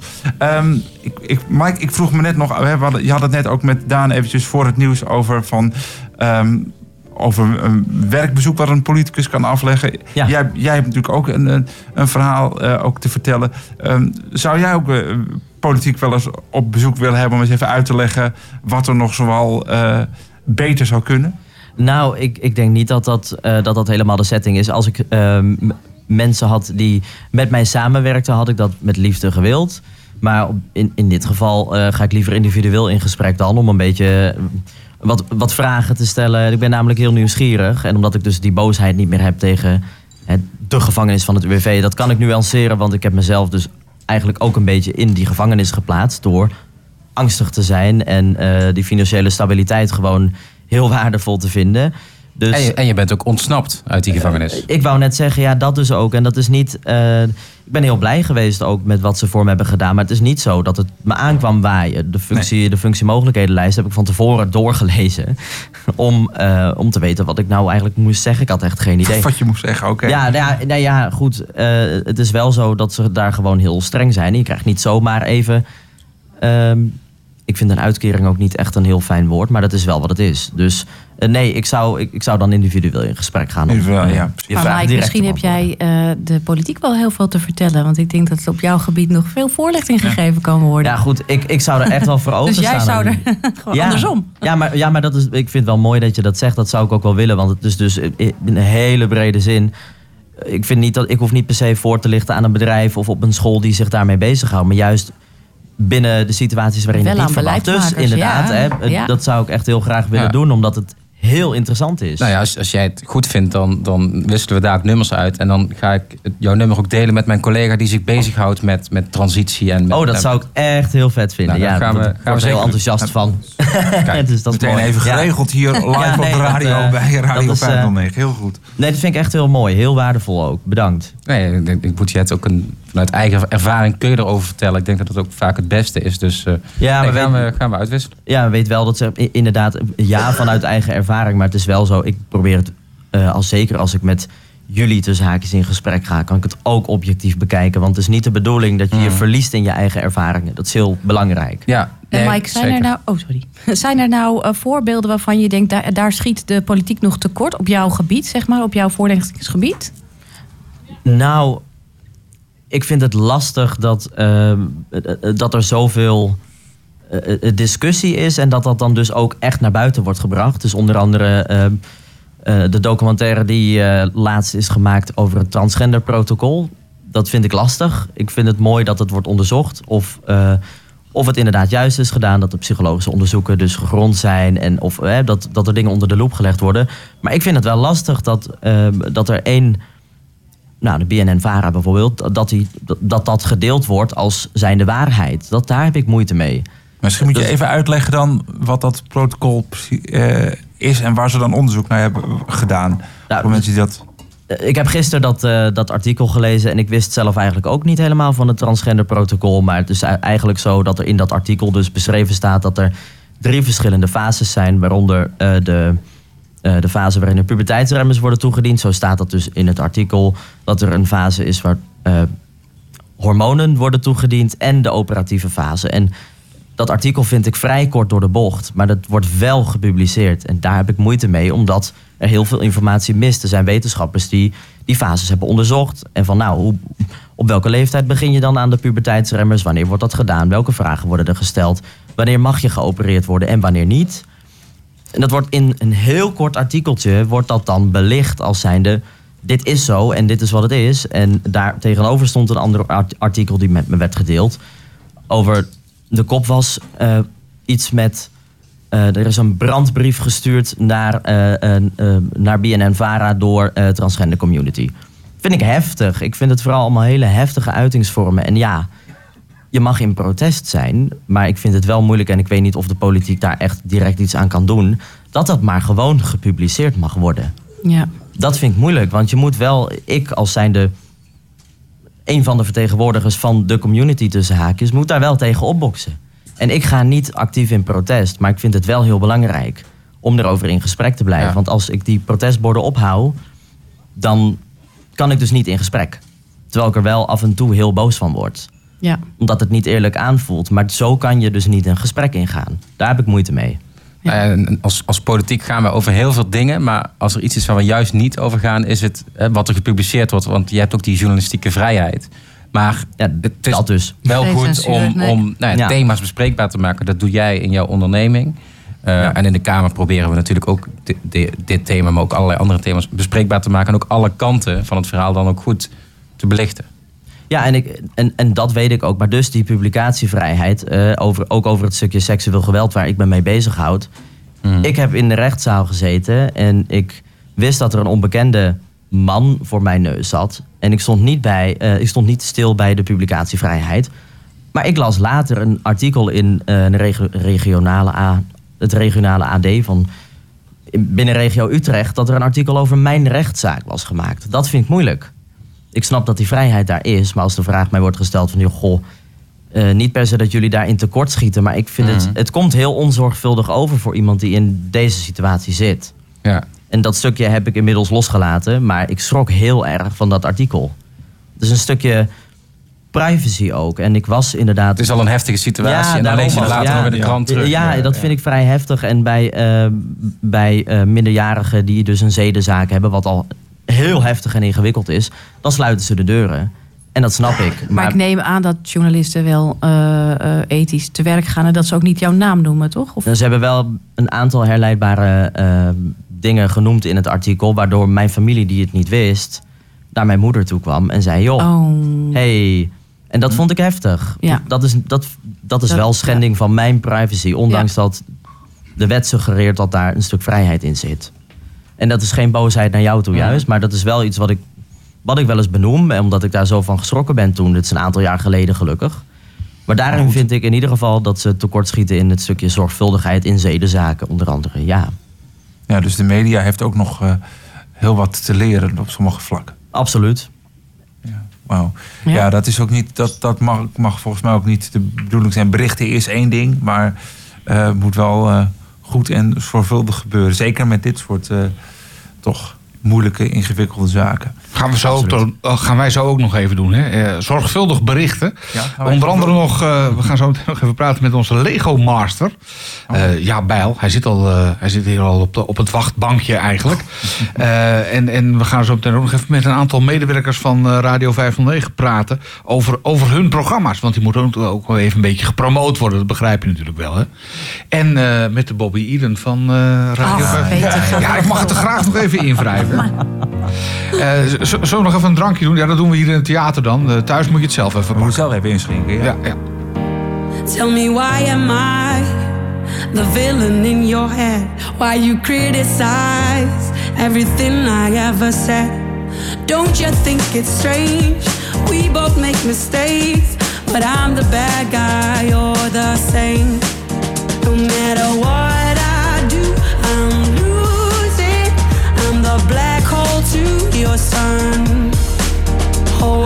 so done trying to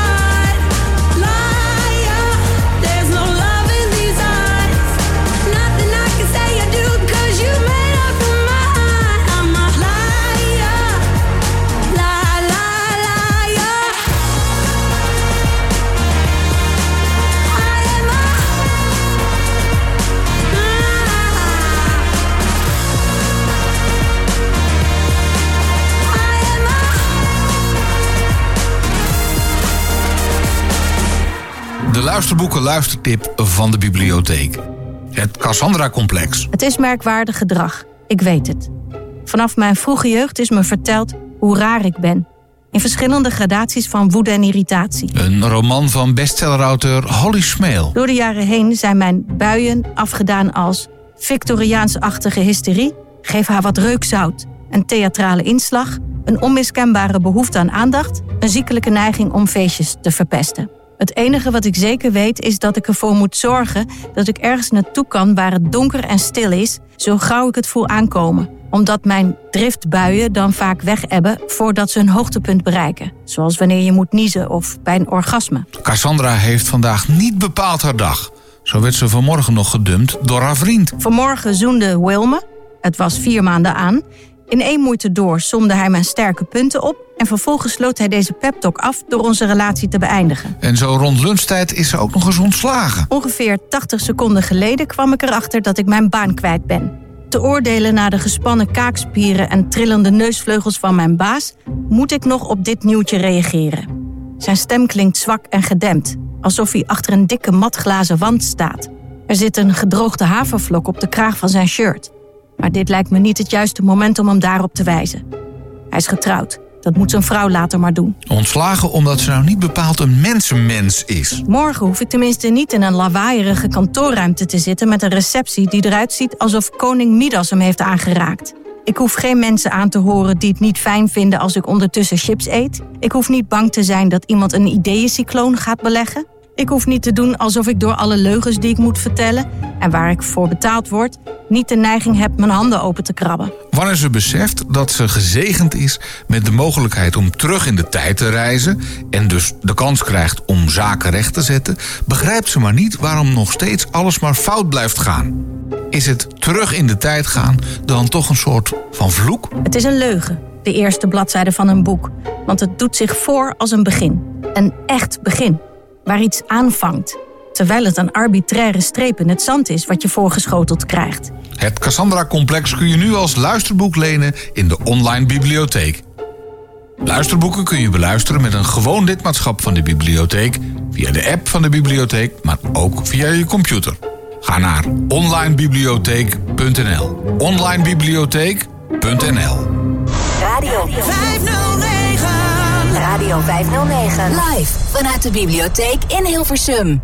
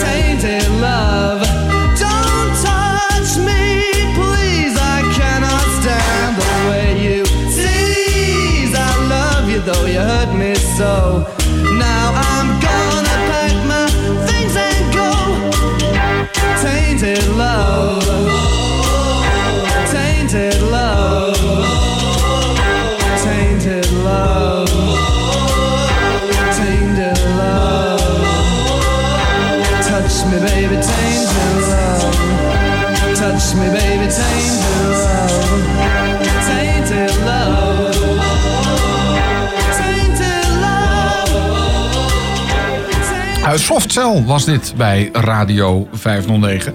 Nog steeds live vanuit de bibliotheek Schravenlandsweg 55.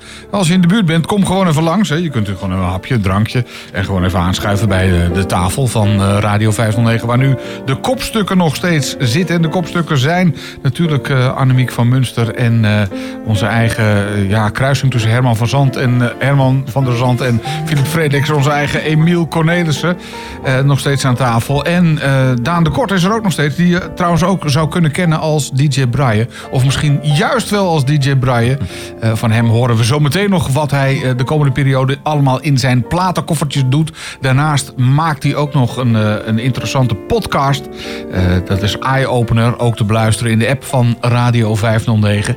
Eh moeten ze ook nog even aan hem vragen wat hij verder allemaal nog in zijn podcast heeft zitten. Dus nog genoeg om te bespreken hier op deze vrijdagmiddag. Ondertussen is ook onze Lego Master aangeschoven. Dat is Jaap Bijl. Die zou je ook nog van televisie kunnen kennen, toch Jaap? Zeker, zeker. Ja. Dankjewel. Leuk om weer bezig te zijn. Ja, jij, hebt ook, eh, jij doet ook bijzondere dingen. Nou, niet alleen met Lego. Nou, eh, vertel het aan onze kopstukken. Wat, wat, wat, wat doe je, wat maak je...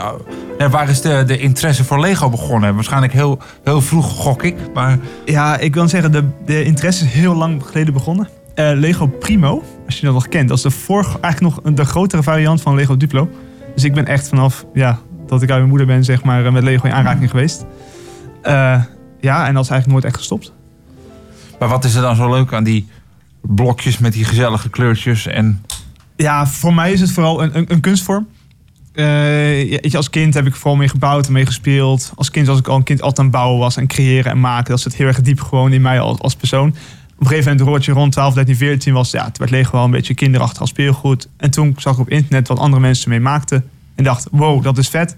Dat wil ik ook. Eh, en toen is het, ja, wat meer serieus als hobby. En ja, misschien wel een vorm van modelbouw, maar voor mij is het een uitingsvorm van Nou, kunst van geworden. kunst. En, en wat maak je dan van Lego? Eh, ja, eigenlijk best wel breed, maar mijn hoofdthema is fantasy. Dus eigenlijk ja, vaak middeleeuwse fantasy, dan maar draken. Maar eigenlijk vooral hou ik enorm van veel kleur. Vrolijke kleuren, eh, rare onderdelen met elkaar combineren. En eh meestal maak ik een bouwwerk, die fotografeer ik. Vervolgens bewerken met Photoshop tot eigenlijk online concept art. En dat post ik dan op mijn social die, media. die bedenk jij helemaal zelf. Dus het is echt van, van niks tot een Ja, prachtige draak of zo. Ja, het, het leukste is inderdaad om lekker je eigen dingen te maken, inderdaad. Ja. Ja, Maar dan, dan begin je ergens en dan halverwege denk je... nee, ik ga, het, ik ga het eerst toch anders in mijn hoofd... maar ik ga het toch weer anders doen. Eh, en vaak dat dan keer 20, zeg maar. Ja, precies. Ja, nee, ja, ik heb vaak een, een begin idee in mijn hoofd. En ik begin dan met bouwen met een stuk onderdeel. En dan ben ik juist enorm visueel aan het spiegelen, aan het kijken, aan het observeren.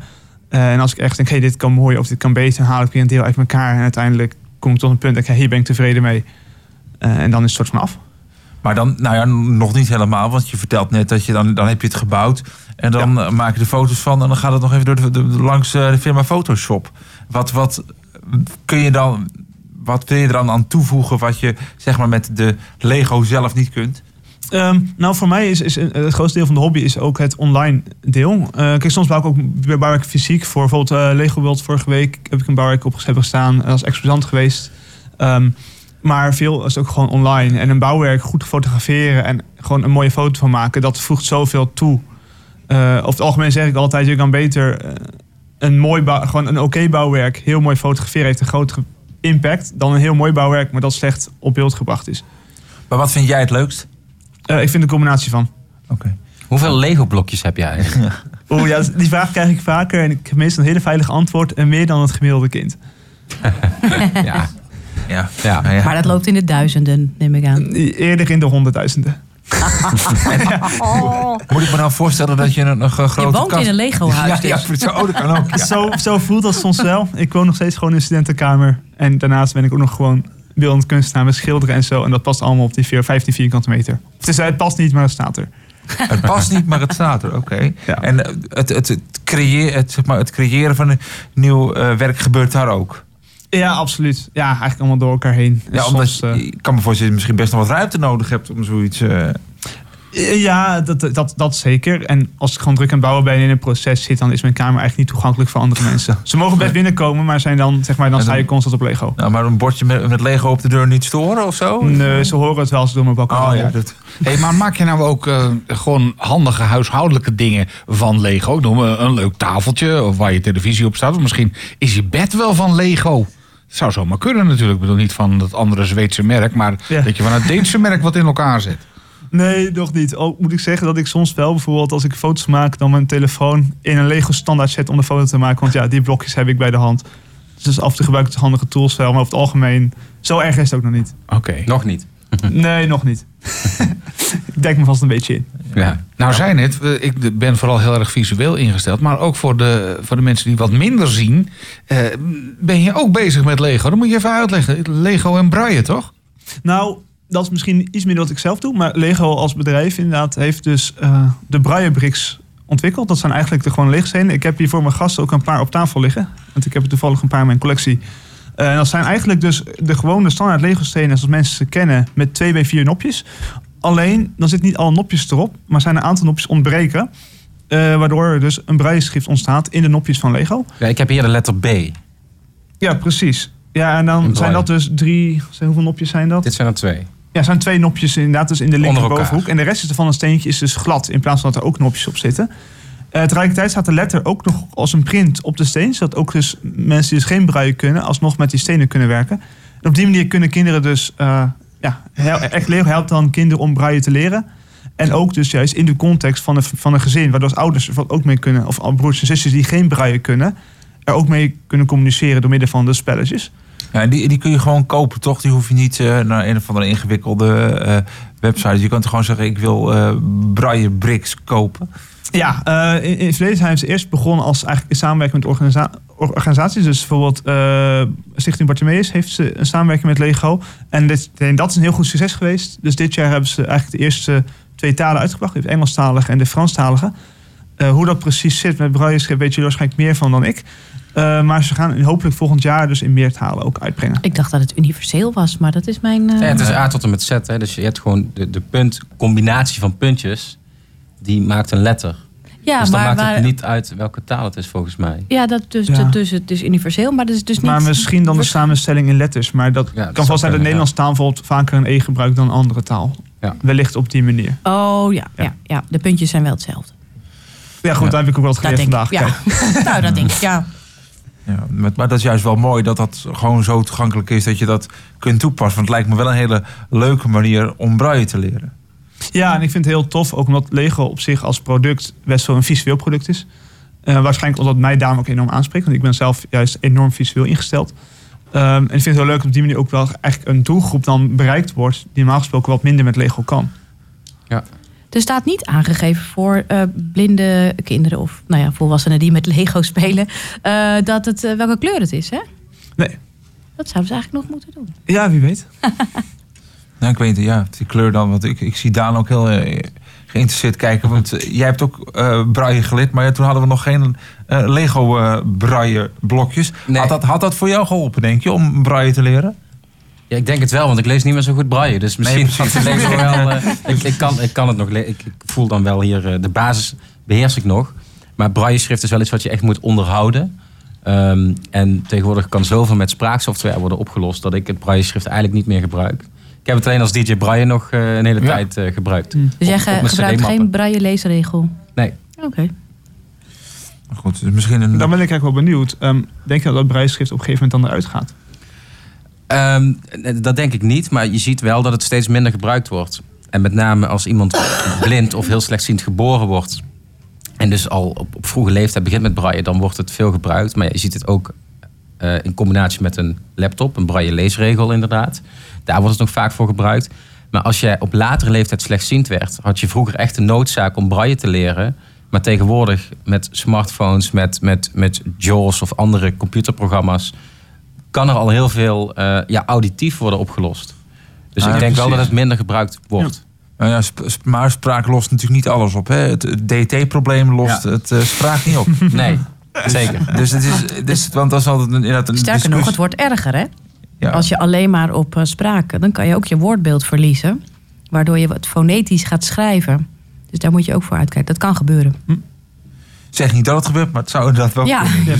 Ja. Dus de combinatie blijft denk ik eh, goed. eh, ja, het blijft denk ik goed om ook braille dan te kunnen. Maar zou je bijvoorbeeld zo'n een aantal van die braille bricks ook in jouw eh, kunst kunnen verwerken, denk je? Zou je daar iets mee kunnen? Of zeg je, nou nee, sorry, dat is me te specifiek. Ehm, nou, kijk, voor mij is het vooral natuurlijk een onderdeel van het grote Lego-systeem. Uiteindelijk, de stenen op zichzelf zijn wat dat betreft niet heel bijzonder. Behalve dat ze natuurlijk hè, opeens een nieuwe mogelijkheid geven. Maar in principe zijn het nog steeds het, relatief de standaardstenen. eh relatief groot. Wat ik wel heel leuk vind om ze eens een keer te verwerken in een bouwwerk met andere stenen. Omdat het wel een soort van iets unieks is, iets specifieks is. Ja. Vind ik wel leuk om dat een keer te denken, hey, hoe kan ik dat dan toch, bijvoorbeeld zo'n printje of een unieke combinatie van nopjes, hoe kan ik daar iets mee doen wat met mijn andere Lego stenen niet kan? En dat is wel iets wat ik altijd wel een soort van zoek naar de Oh, op een bepaalde manier bouwen. Of omdat ze voor de rest eigenlijk glad zijn of zo. Ja, en- de gewone stenen hebben dat natuurlijk niet. En ik kan zeggen, kijk, ik kan zeggen, ik kan ze gewoon gebruiken als, als bakstenen, maar dan ga ik net zo goed mijn gewone stenen gebruiken waar ik er twintig van heb. En dat doet ook visueel iets met jouw Lego-kunst, toch? De- Ja. die- deze andere steen. Ja, je kan er een nieuwe texturen in maken. En Ja. bijvoorbeeld dus de printjes met de letters die op, op onderaan de steen gedrukt zijn. Oké, dan heb je opeens een unieke print die je niet op andere Lego hebt. hey, misschien kan ik dat op een bepaalde manier inzetten, wat ik met de steen die ik wel heb niet kan. Ja, mooi. Ja, mooi. Leuk. En wat ga je, wa- waar ben je nu mee bezig? Ben je ergens mee bezig? Laten we het daarover, laten we dat eens. Eh, ik ben zeg je wel, ik nou- ben nu even niet. eh, ik Nou, ben net wat, klaar. wat Lego betreft ben ik momenteel vooral bezig met sorteren. Eh, vorige week was eh, de grote Lego-beurs Lego World in de jaarbeurshallen. En daar heb ik een hele week gestaan en bouw, druk voor gebouwd in de weken ervoor. Dus nu eerst maar eens mijn collectie een beetje ordenen en uitsorteren. Eh, en maar verder ben ik dan juist weer meer gericht op eh, wat ik als kunst doe. Met schilderen. Eh, vooral, ik ben met wat doeken bezig rondom mentale gezondheid. Eh, en ik ben heel erg bezig met het stukje, eigenlijk de emoties proberen te vangen op een doek. Eh, en vaak juist ook de heftige emotie misschien te groot zijn om te vangen. En ik speel dan heel erg ook met dus de stukken uit het doek die dan... Eigenlijk snij ik vaak stukken uit het doek waar ik ze openmaak. Waardoor een soort van het beeld krijgt. Emoties zijn te groot om te vangen. Dus dat is iets waar ik momenteel wel veel mee bezig ben als kunstenaar. Klinkt complex. Ja. ja. Hey, maar je doet ook nog iets in de bibliotheek hier. Eh, geef je ook nog Lego coaching? Ja, zo zou je het kunnen noemen. Het zijn meestal Lego workshops. Eh, dus ik geef hier een serie van zeven workshops voor kinderen. Begin van het jaar heb ik ze ook gedaan. En nu, ja, vanwege groot succes geef ik er wacht nog een serie bij. En nog twee voor volwassenen, waarvan we er eentje hebben gehad. Eh, en dan ga ik met kinderen inderdaad aan de slag met gewoon Lego. Eh, ja, ik heb gewoon twee kratten vol. En dan beslis ik vaak, hey, waar heb ik zin in om te doen? We gaan wat moois maken. Ja, of we doen een wedstrijd. eh, of, of inderdaad met, met elkaar iets moois bouwen. eh, of bepaalde bouwuitdagingen. Zoals heel leuk om bijvoorbeeld de kinderen de opdracht te geven. Hey, Oké, we maken nu drie teams. En bouw maar eens gewoon de hoogste toren die straks staat na 10 minuten. Terwijl je erg populair bij kinderen. Hoge toren maken en dan omgooien. Nou ja, en dan Oh, zorgen dat iemand dus met ervaring, blijft staan. Ja. Maar En als toch, je nou dat is iets, altijd eh, succes. Als je nou iets heel moois bouwt, eh, dat, dat, dan is het klaar, gefotografeerd op internet en dan breek je hem weer af. Ja. Oh. Ja, die reactie krijg ik van heel veel mensen. En ik zelf heb dat niet zo, omdat mijn eindresultaat vaak dus de foto is. Eh, En ik heb zoiets ja, oké, nu heb ik dit gemaakt. Maar voor mij is het proces belangrijker dan het eindresultaat. Dan denk je, ja, oké, ik heb nu dit gemaakt. Maar nu kan ik nog weer wat mooiers maken. Dus ik ben met het volgende project bezig. En op, op Ja. welke foto of op welk bouwwerk ben je dan het meest trots wat je ooit gemaakt hebt? Oeh, ehm, ja, misschien wel mijn meest recente werk eh, dat ik op Lego heb staan. Dat is eigenlijk een soort van schilderij met een force perspective erin. Dus het lijkt een hele dieptewerking, terwijl het niet heel diep is. En dat is wel echt een hele grote kleurstudie geweest met hele rare, felle kleuren door elkaar heen. En tegelijkertijd is het in balans. Eh, ja, ik denk dat dat ongeveer mijn mooiste werk is. Ah, mooi. En dat is dan een meter breed. Zeg En die maar. kunnen we terugvinden op jouw Instagram. Eh, ja, de bedoeling is om hem morgen te fotograferen. Dus vanaf morgenavond hoop ik hem erop te hebben staan. En wat, wat is jouw accountnaam? Dan, dan, Ja, als je zoekt op eh, Jaap. Bijl en dan Bijl gewoon geschreven als zo'n hakding, Ja. dan moet je hem kunnen vinden. Ja, Bijl op Instagram, daar vinden we de mooiste eh, inspiratie op Lego-gebied. Onder andere. Oké. Hey Jaap, eh, toen, toen we net eventjes bij de, bij de bar stonden, toen zei je van, ja, wil je even R.E.M. eh, draaien? Waarom? Ja, ik heb, eh, ja, ik heb gewoon een prachtig liedje als Everybody Hurts van R.E.M. En dat is voor mij zo'n mooi liedje waar, en ik denk ja, hier mensen, jullie zullen het vast kennen met je visuele beperking. Voor mij is mentale gezondheid een grote worsteling geweest. En ik vind dan soms juist zo mooi om dan te kijken, ja, weet je maar, iedereen heeft zijn worsteling. En juist met elkaar kunnen we er wat mooier van maken.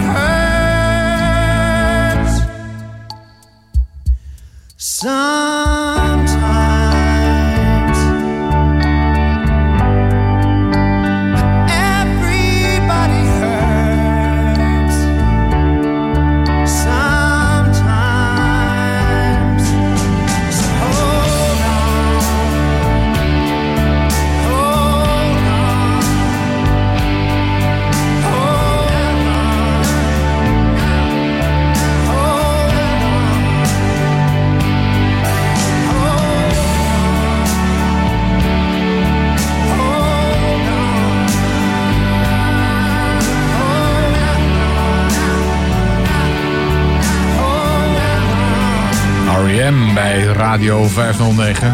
De favoriet van onze Lego Master Jaap Bijl. Hij zit nog aan tafel. Jaap, heel kort nog even. Je volgende project? Oeh, eh, ik denk momenteel mijn functie meer op mijn kunstlicht. Eh, maar goed, online is weer een of andere kastelen fantasy wedstrijd. Dus waarschijnlijk gaat het die kant op. Ah, oké. dus eh, genoeg te doen. Eerst maar sorteren. Nou, he- heel veel succes ermee. Ga ik heel eventjes naar, want eh, we zitten hier niet voor niks in de bibliotheek. Ook een klein beetje om ons eigen radiostation natuurlijk te promoten. Dat betekent dat ook een aantal eh, medewerkers van Radio 509 in de, in de zaal zitten. Waaronder onze eigen Max.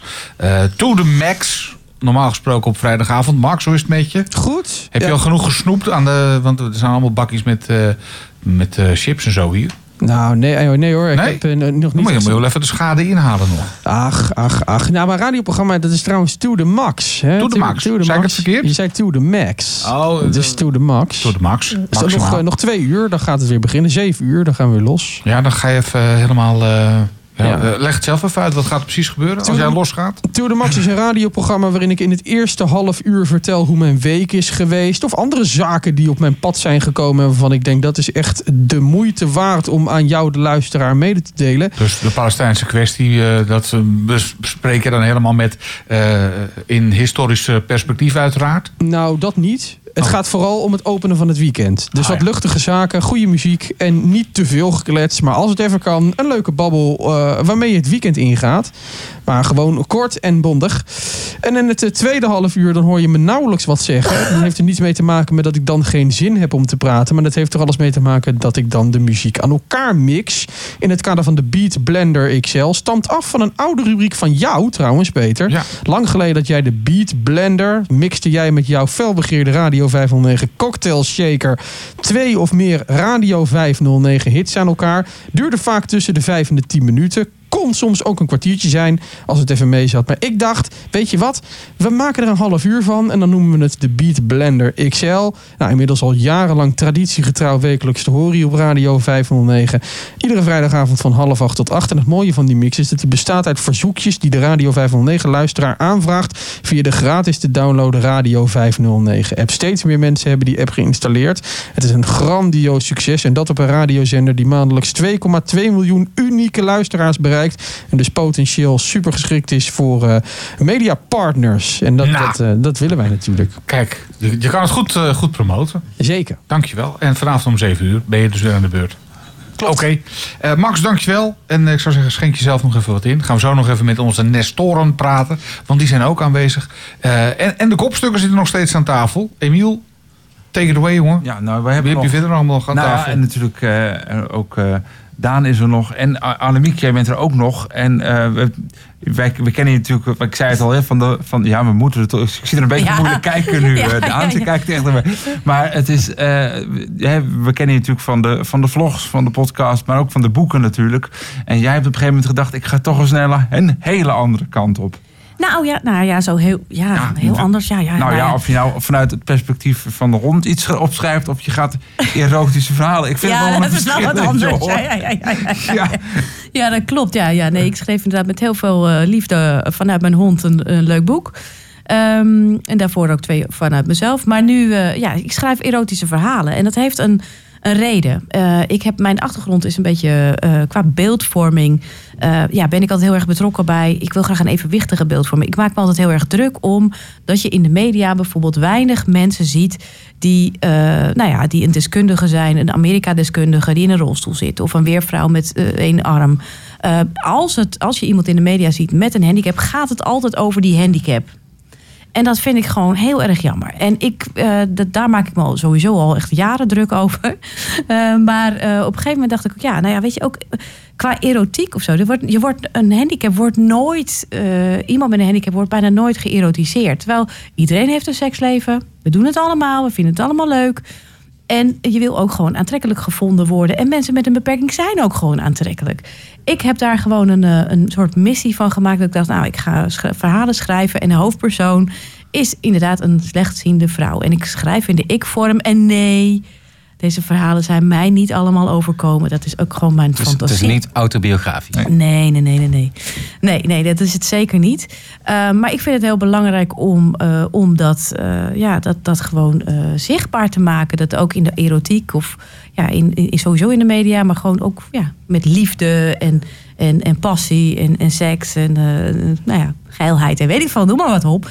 Dat de handicap daar ook gewoon een normaal onderdeel van wordt. ik bedoel, ik geloof 2 miljoen mensen hebben een handicap of zo in Nederland. Ja. Alle handicaps bij elkaar. Nou, die hebben 9 van de 10 hebben allemaal wel seks op de een of andere manier. En ja, laat het ook gewoon zien. Kom op, huppakee. Het wordt allemaal zo awkward en dat vind ik zo jammer. Dus ik, ik dacht, nou ja, klaag er niet over. Begin bij jezelf, doe er wat aan. Nee. En Denk, vinden mensen het dan, denk je dan, lastig om, om zo'n verhaal te lezen... omdat er iemand als hoofdpersoon zit die een visuele... of maakt dat niet uit? Nou ja, sommige mensen worden er misschien... Nou, niet van mijn verhalen hoor, want de, de hoofdpersoon is slechtziend. En het komt, uh, dat vind ik ook heel belangrijk... dat het dus niet continu om die handicap draait... maar dat het af en toe naar voren komt... Uh, dat zij bijvoorbeeld iemand niet kan zien. nou ja, dan voelt ze even over hoe die eruit ziet. Nou, dat kan nog, komt dan al heel mooi in het straatje van erotiek ook uit. Maar het is niet uh, heel dramatisch over die handicap. Dus bij mijn verhalen worden mensen niet ongemakkelijk. Dat geloof ik niet. Daar mag ik hopen van niet, uh, Emiel. Ik hoop dat ze daar een andere emotie bij gaan voelen. Dat is wel de bedoeling, hè? Maar ik snap wel, omdat het nog niet zoveel voorkomt... Uh, dat mensen er ongemakkelijk van worden. Of tenminste, ik snap het niet. Maar het gebeurt wel. En dat, dat, En- ja, dat vind ik jammer. En dat is natuurlijk de belangrijkste vraag. Waar kunnen we ze lezen? Ah ja, www.flirtyfeelgoodverhalen.nl Zo. Flirty feel good verhalen. Flirty feelgood verhalen. Ja, het is allemaal heel erg eh, gewoon een Het is- beetje ook eh, zoetsappig. Gewoon, ik ben niet van, is- je verwacht geen keiharde porno, hè? Zo ben ik dan ook weer niet. Eh, ik beschrijf het zeker. geen uitspraken, doe ik hier nu En, over. eh, nee, nee, nee, nee, nee. Nee, het is eh, geen, geen ordinaire porno. Of ik beschrijf dingen, maar gewoon netjes. En ook laat ook nog wel heel wat aan de fantasie over. Maar wel gewoon expliciet en zo. ja. Oké, dus dat. en dat is. eh, komen, komen ze ook nog in gesproken uitgaven uit misschien? Nou ja, ik, ik heb Aisha Gul Karatja heb ik gevraagd. Maar daar, daar moeten we nog even over nadenken. En zoveel verhalen heb ik nog niet. Dus dat moet nog even wachten. Maar ja, dat zou voor mij wel heel, eh, heel, heel ja, fijn zijn. En ik zou het ook heel graag willen plaatsen. Daar ben ik ook wel mee bezig. Op andere ehm, websites eh, die erotische verhalen publiceren. En daar heb ik ook goede contacten mee. Dus dat gaat ook komen. Gaat- dat het, gaat allemaal weet je, dat het gewoon genormaliseerd wordt. Nou, het lijkt me een goed initiatief. En ja, toch best wel benieuwd naar de verhalen. Moet ik Ja, dus weet je, ik ben schrijver, ik ben niet Bobby, ik doe zelf niks. Hè. Het zijn niet mijn verhalen, nu gaan er hele rare dingen de wereld in. Maar nee, Ja. het is gewoon... En mijn, mijn, mijn, eh, mijn eh, alter ego heet Isa Clarinda. Dat is toch een beetje chiquer dan Bobby Eden. Nou ja, eh, Bobby Eden is hartstikke chic, toch? Of niet? Oh ja, zeker. Nee, maar de naam, de naam. Gewoon de Oh, naam ja, de Bobby, naam. Bobby Eden. Dat vind ik echt zo, ja, nou... Nou ja, we, Nee hoor, hele leuke vrouw. we zullen, zullen de, de, de, de verhalen binnenkort wel zien, hè? jeetje, Peter. Heel toevallig komt er ineens een lied. Nou zeg, hoe kan dit nou? Dat is wel, eh, hè? Eh, ja, eh, nou ja, eh, binnenkort eh, ffg.nl is het toch? Flirty Feel Good Oh, ja, Stories. ja, nee, nee, nee. www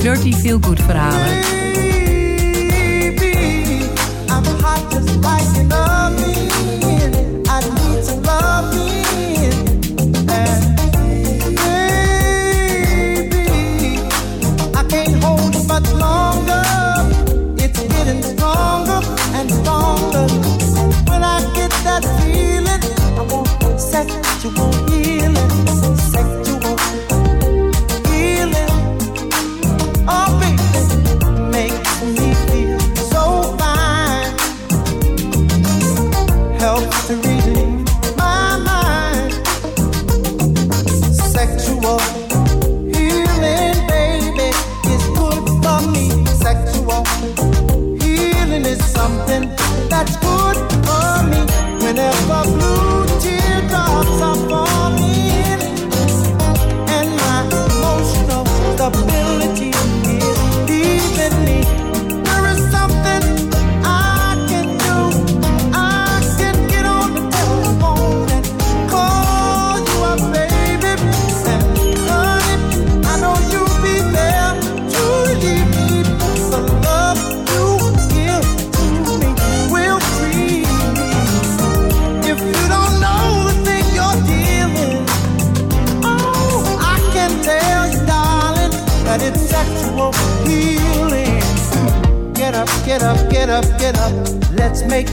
night.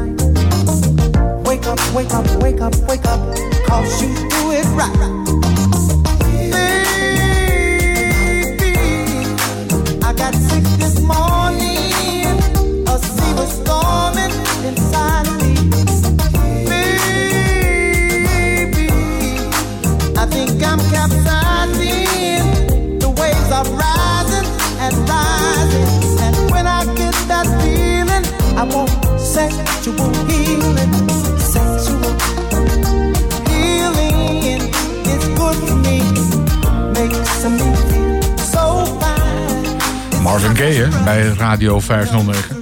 Nee, ik zal niet weer beginnen over Bobby Eden-achtige toestanden. En het dan toch doen, ja. Ja, nee, Ja. Ik, kan, ik kan het gewoon niet laten met, eh, als het over dit soort onderwerpen gaat. hè. Eh, maar we hebben nog veel meer te bespreken hier op, eh, op vrijdagmiddag. Moet het trouwens een beetje opschieten, want het is alweer bijna vijf uur. Dan worden we En bijna voor- uit. Ja, dan worden we weer uit, uit de biep gezet. En dat is ook niet de bedoeling. Of we moeten weer wachten tot volgende week. Eh, ik wil toch, eh, ook nog even naar onze Nestoren gaan. Want ja, die hebben we ook nog altijd hier bij, bij Radio 509. Ruud en Bas, ze zitten gewoon... eh, ja, op de, In het, in het wild kun je ze gewoon zien. ja, Eh, je, je, je kunt ze zelfs aankomen raken hier op de Schaaflandseweg 55. Dus als je een, eh, hoe noemen ze het ook weer? Eh feel, eh, nee, eh, touch en feel. eh, Flirty feel good. Flirty feel good wil, dat kan, dat kan. Bas, heb jij de microfoon of is het Ruud? Die nu Ik heb hem. Oké, Ruud. Jij bent altijd op zondagmiddag eh, te horen hè, bij Radio 5. Ja, je hebt, je hebt het over Nestoren, zeg maar gewoon lastige oude lullen. Ja, dat maak jij ervan. Dat zijn jouw woorden. Nog wel. Eh, ja, zondagmiddag, eh, zomertijd hebben we dat genoemd. Doe ik nou een jaar of acht. Ik heb er zo'n kleine, oh nee, ruim 400 gemaakt.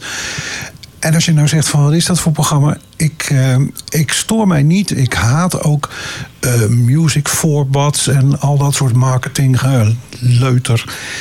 Ik doe gewoon dingen die ik zelf leuk vind. In de hoop dat anderen dat ook leuk vinden. En ik denk wel dat een aantal mensen dat met me eens is. Ik eh, ga bijvoorbeeld eh, zondag, ja, het is, morgen is het Halloween. Dus ik eh, stop meestal of heel vaak een thema in mijn programma. En dat is dus in dit geval spoken, geesten, heksen en ander gespuis. En eh, daar kon ik leuk wat liedjes van vinden. En de aardigheid als je zo'n thema kiest, dat je dan uit alle windhoeken en uit alle tijden muziek vindt. En die zet ik achter elkaar en dan krijg je een heel aardig eh, programma, vind ik zelf. Er zit een column in deze keer ook van Inge, dat moet ik toch ook even melden. Want die gaat, eh, dat is wel een vrij serieus verhaal. Die gaat wel ook als historicus het eh, Israëlisch-Palestijnse conflict te lijf. En dan komt ze met een aantal toch interessante en genuanceerde opvattingen in vijf minuten tijd. Nou, dus zondagmiddag, 1 uur, let op je klok, want het is zomertijd, eh, wintertijd in zomertijd. Dus eh, ja, dat, eh, dat is het. En ik, ik probeer dus elke week iets te doen, een thema, een bepaald jaar waar ik dan eh, bij stilsta. En zo weiter. Ik, eh, ik verzin ze waar je bij zit. Oké. Naast jou zit eh, de andere Nestor. Pak de micro, man. Ja. Oké. Altijd op zondagochtend te horen. Tussen met, 11 en 12. Met boeiende verhalen. Ook al jarenlang. hè? kwartier in een uur. Ja, dat maak ik al heel erg lang. Eh, ook voor Radio 509, maar ook heel erg lang ook voor lokale omroepen en dergelijke dingen. Eh, de- maar de tijd gaat automatisch verder en je wordt automatisch oud, Ruud. ja. En nu, dat zeggen de Nestoren, hè? Ja, ja. Als, als opbeurend iets op deze vrijdagmiddag. Dames en heren, u wordt vanzelf oud. Ja, ja. ja, en wat ik eh, ga doen aanstaande zondag bijvoorbeeld, dat is. ehm, de Vincent van Gogh heeft een. eh, hebben ze een tentoonstelling over gemaakt in het eh, museum in Assen. En daar hebben ze een prachtige rondleiding gemaakt. En daar ben ik bij geweest. Daar hebben we twee, eh, vijf kwartieren voor. En daarna dan is het een tijd voor een feestje. Nou, wat heet een feestje? Het Hendrik Kokhuis. Menig een wel bekend. In elk geval is dat een verzorgingshuis voor blinden en slechtzienden in Rolde. Bestaat eh 50 jaar. En eh, daar ben ik ook geweest. En dat hebben ze gevierd in het donker. Nou goed, ik vertel er niet te veel over. Maar in elk geval is het heel erg boeiend. Zondag vanaf 11 uur. Ja, vijf kwartier in een uur. Met André van Kwaawegen. Jouw vaste technische man ook. Ja, hè? zeker. Al 15 jaar, André? Zoiets? Ja, Ja, zoiets. Dat bedoel ik. Nou, Gaat gewoon door. Ja, we horen het, eh, we horen het zondag dus. Dankjewel. Oké. En eh, nu we toch aan het eh, aan DJ promoten zijn. DJ Brian zit ook nog steeds. Dat is gewoon Daan hè, eigenlijk. Maar goed, Ja. af en toe dan, dan zet je even je kraag omhoog. En dan staat er DJ Brian ingeschreven, toch? Ja, dat klopt. Ik heb een pak waar dat in staat. Heb jij goed eh, gezien, eh, Peter. Ja. Hey, eh, jij gaat je platenkoffertje binnenkort ook weer vullen. En dat niet alleen. Je gaat ook nog een aantal podcasts maken. Kun je, het in een nutshell nog even uitleggen? Nou, ik, ik ben inderdaad ooit begonnen met de podcast Eye Opener, die bij jullie Radio 509-app nog steeds te, terug te luisteren is. Daar heb ik toen vier afleveringen gemaakt waarin ik mensen interview die, die mij inspireren, die, die ambitieus zijn en ook nou, bewezen hebben iets eh, te kunnen, talenten te hebben, daar hebben we het weer over talent, maar die ook blind en slechtziend zijn. Eh, ik heb bijvoorbeeld Vincent Bijlo eh, geïnterviewd. Ik heb een, een, een diplomaat geïnterviewd die heel slechtziend is. Nou, dat, dat wil ik graag weer oppakken. Wordt wel na de verkiezingen, moet ik bekennen, want het is nu een drukke periode. Dus volgend jaar hoop ik daar weer mee aan de slag te kunnen. En ook ja, bij jullie ten gehore te kunnen brengen. Ehm, ja, en als DJ Braille treed ik eh, niet meer heel vaak op. Dat heb ik wel eh, fanatiek gedaan. Nog één keer per jaar doe ik dat samen met Joost Eertmans van eh, Ja 21. De laatste Kamerdag, dan Nou, dan draaien wij voor het kabinet en de Kamerleden om de zomervakantie in te luiden. DJ Jopie en DJ Braille. Maar ik mag af en toe ook bij jullie een platenkoffer van DJ Braille maken. Ik heb toen een kersteditie gemaakt en een zomereditie.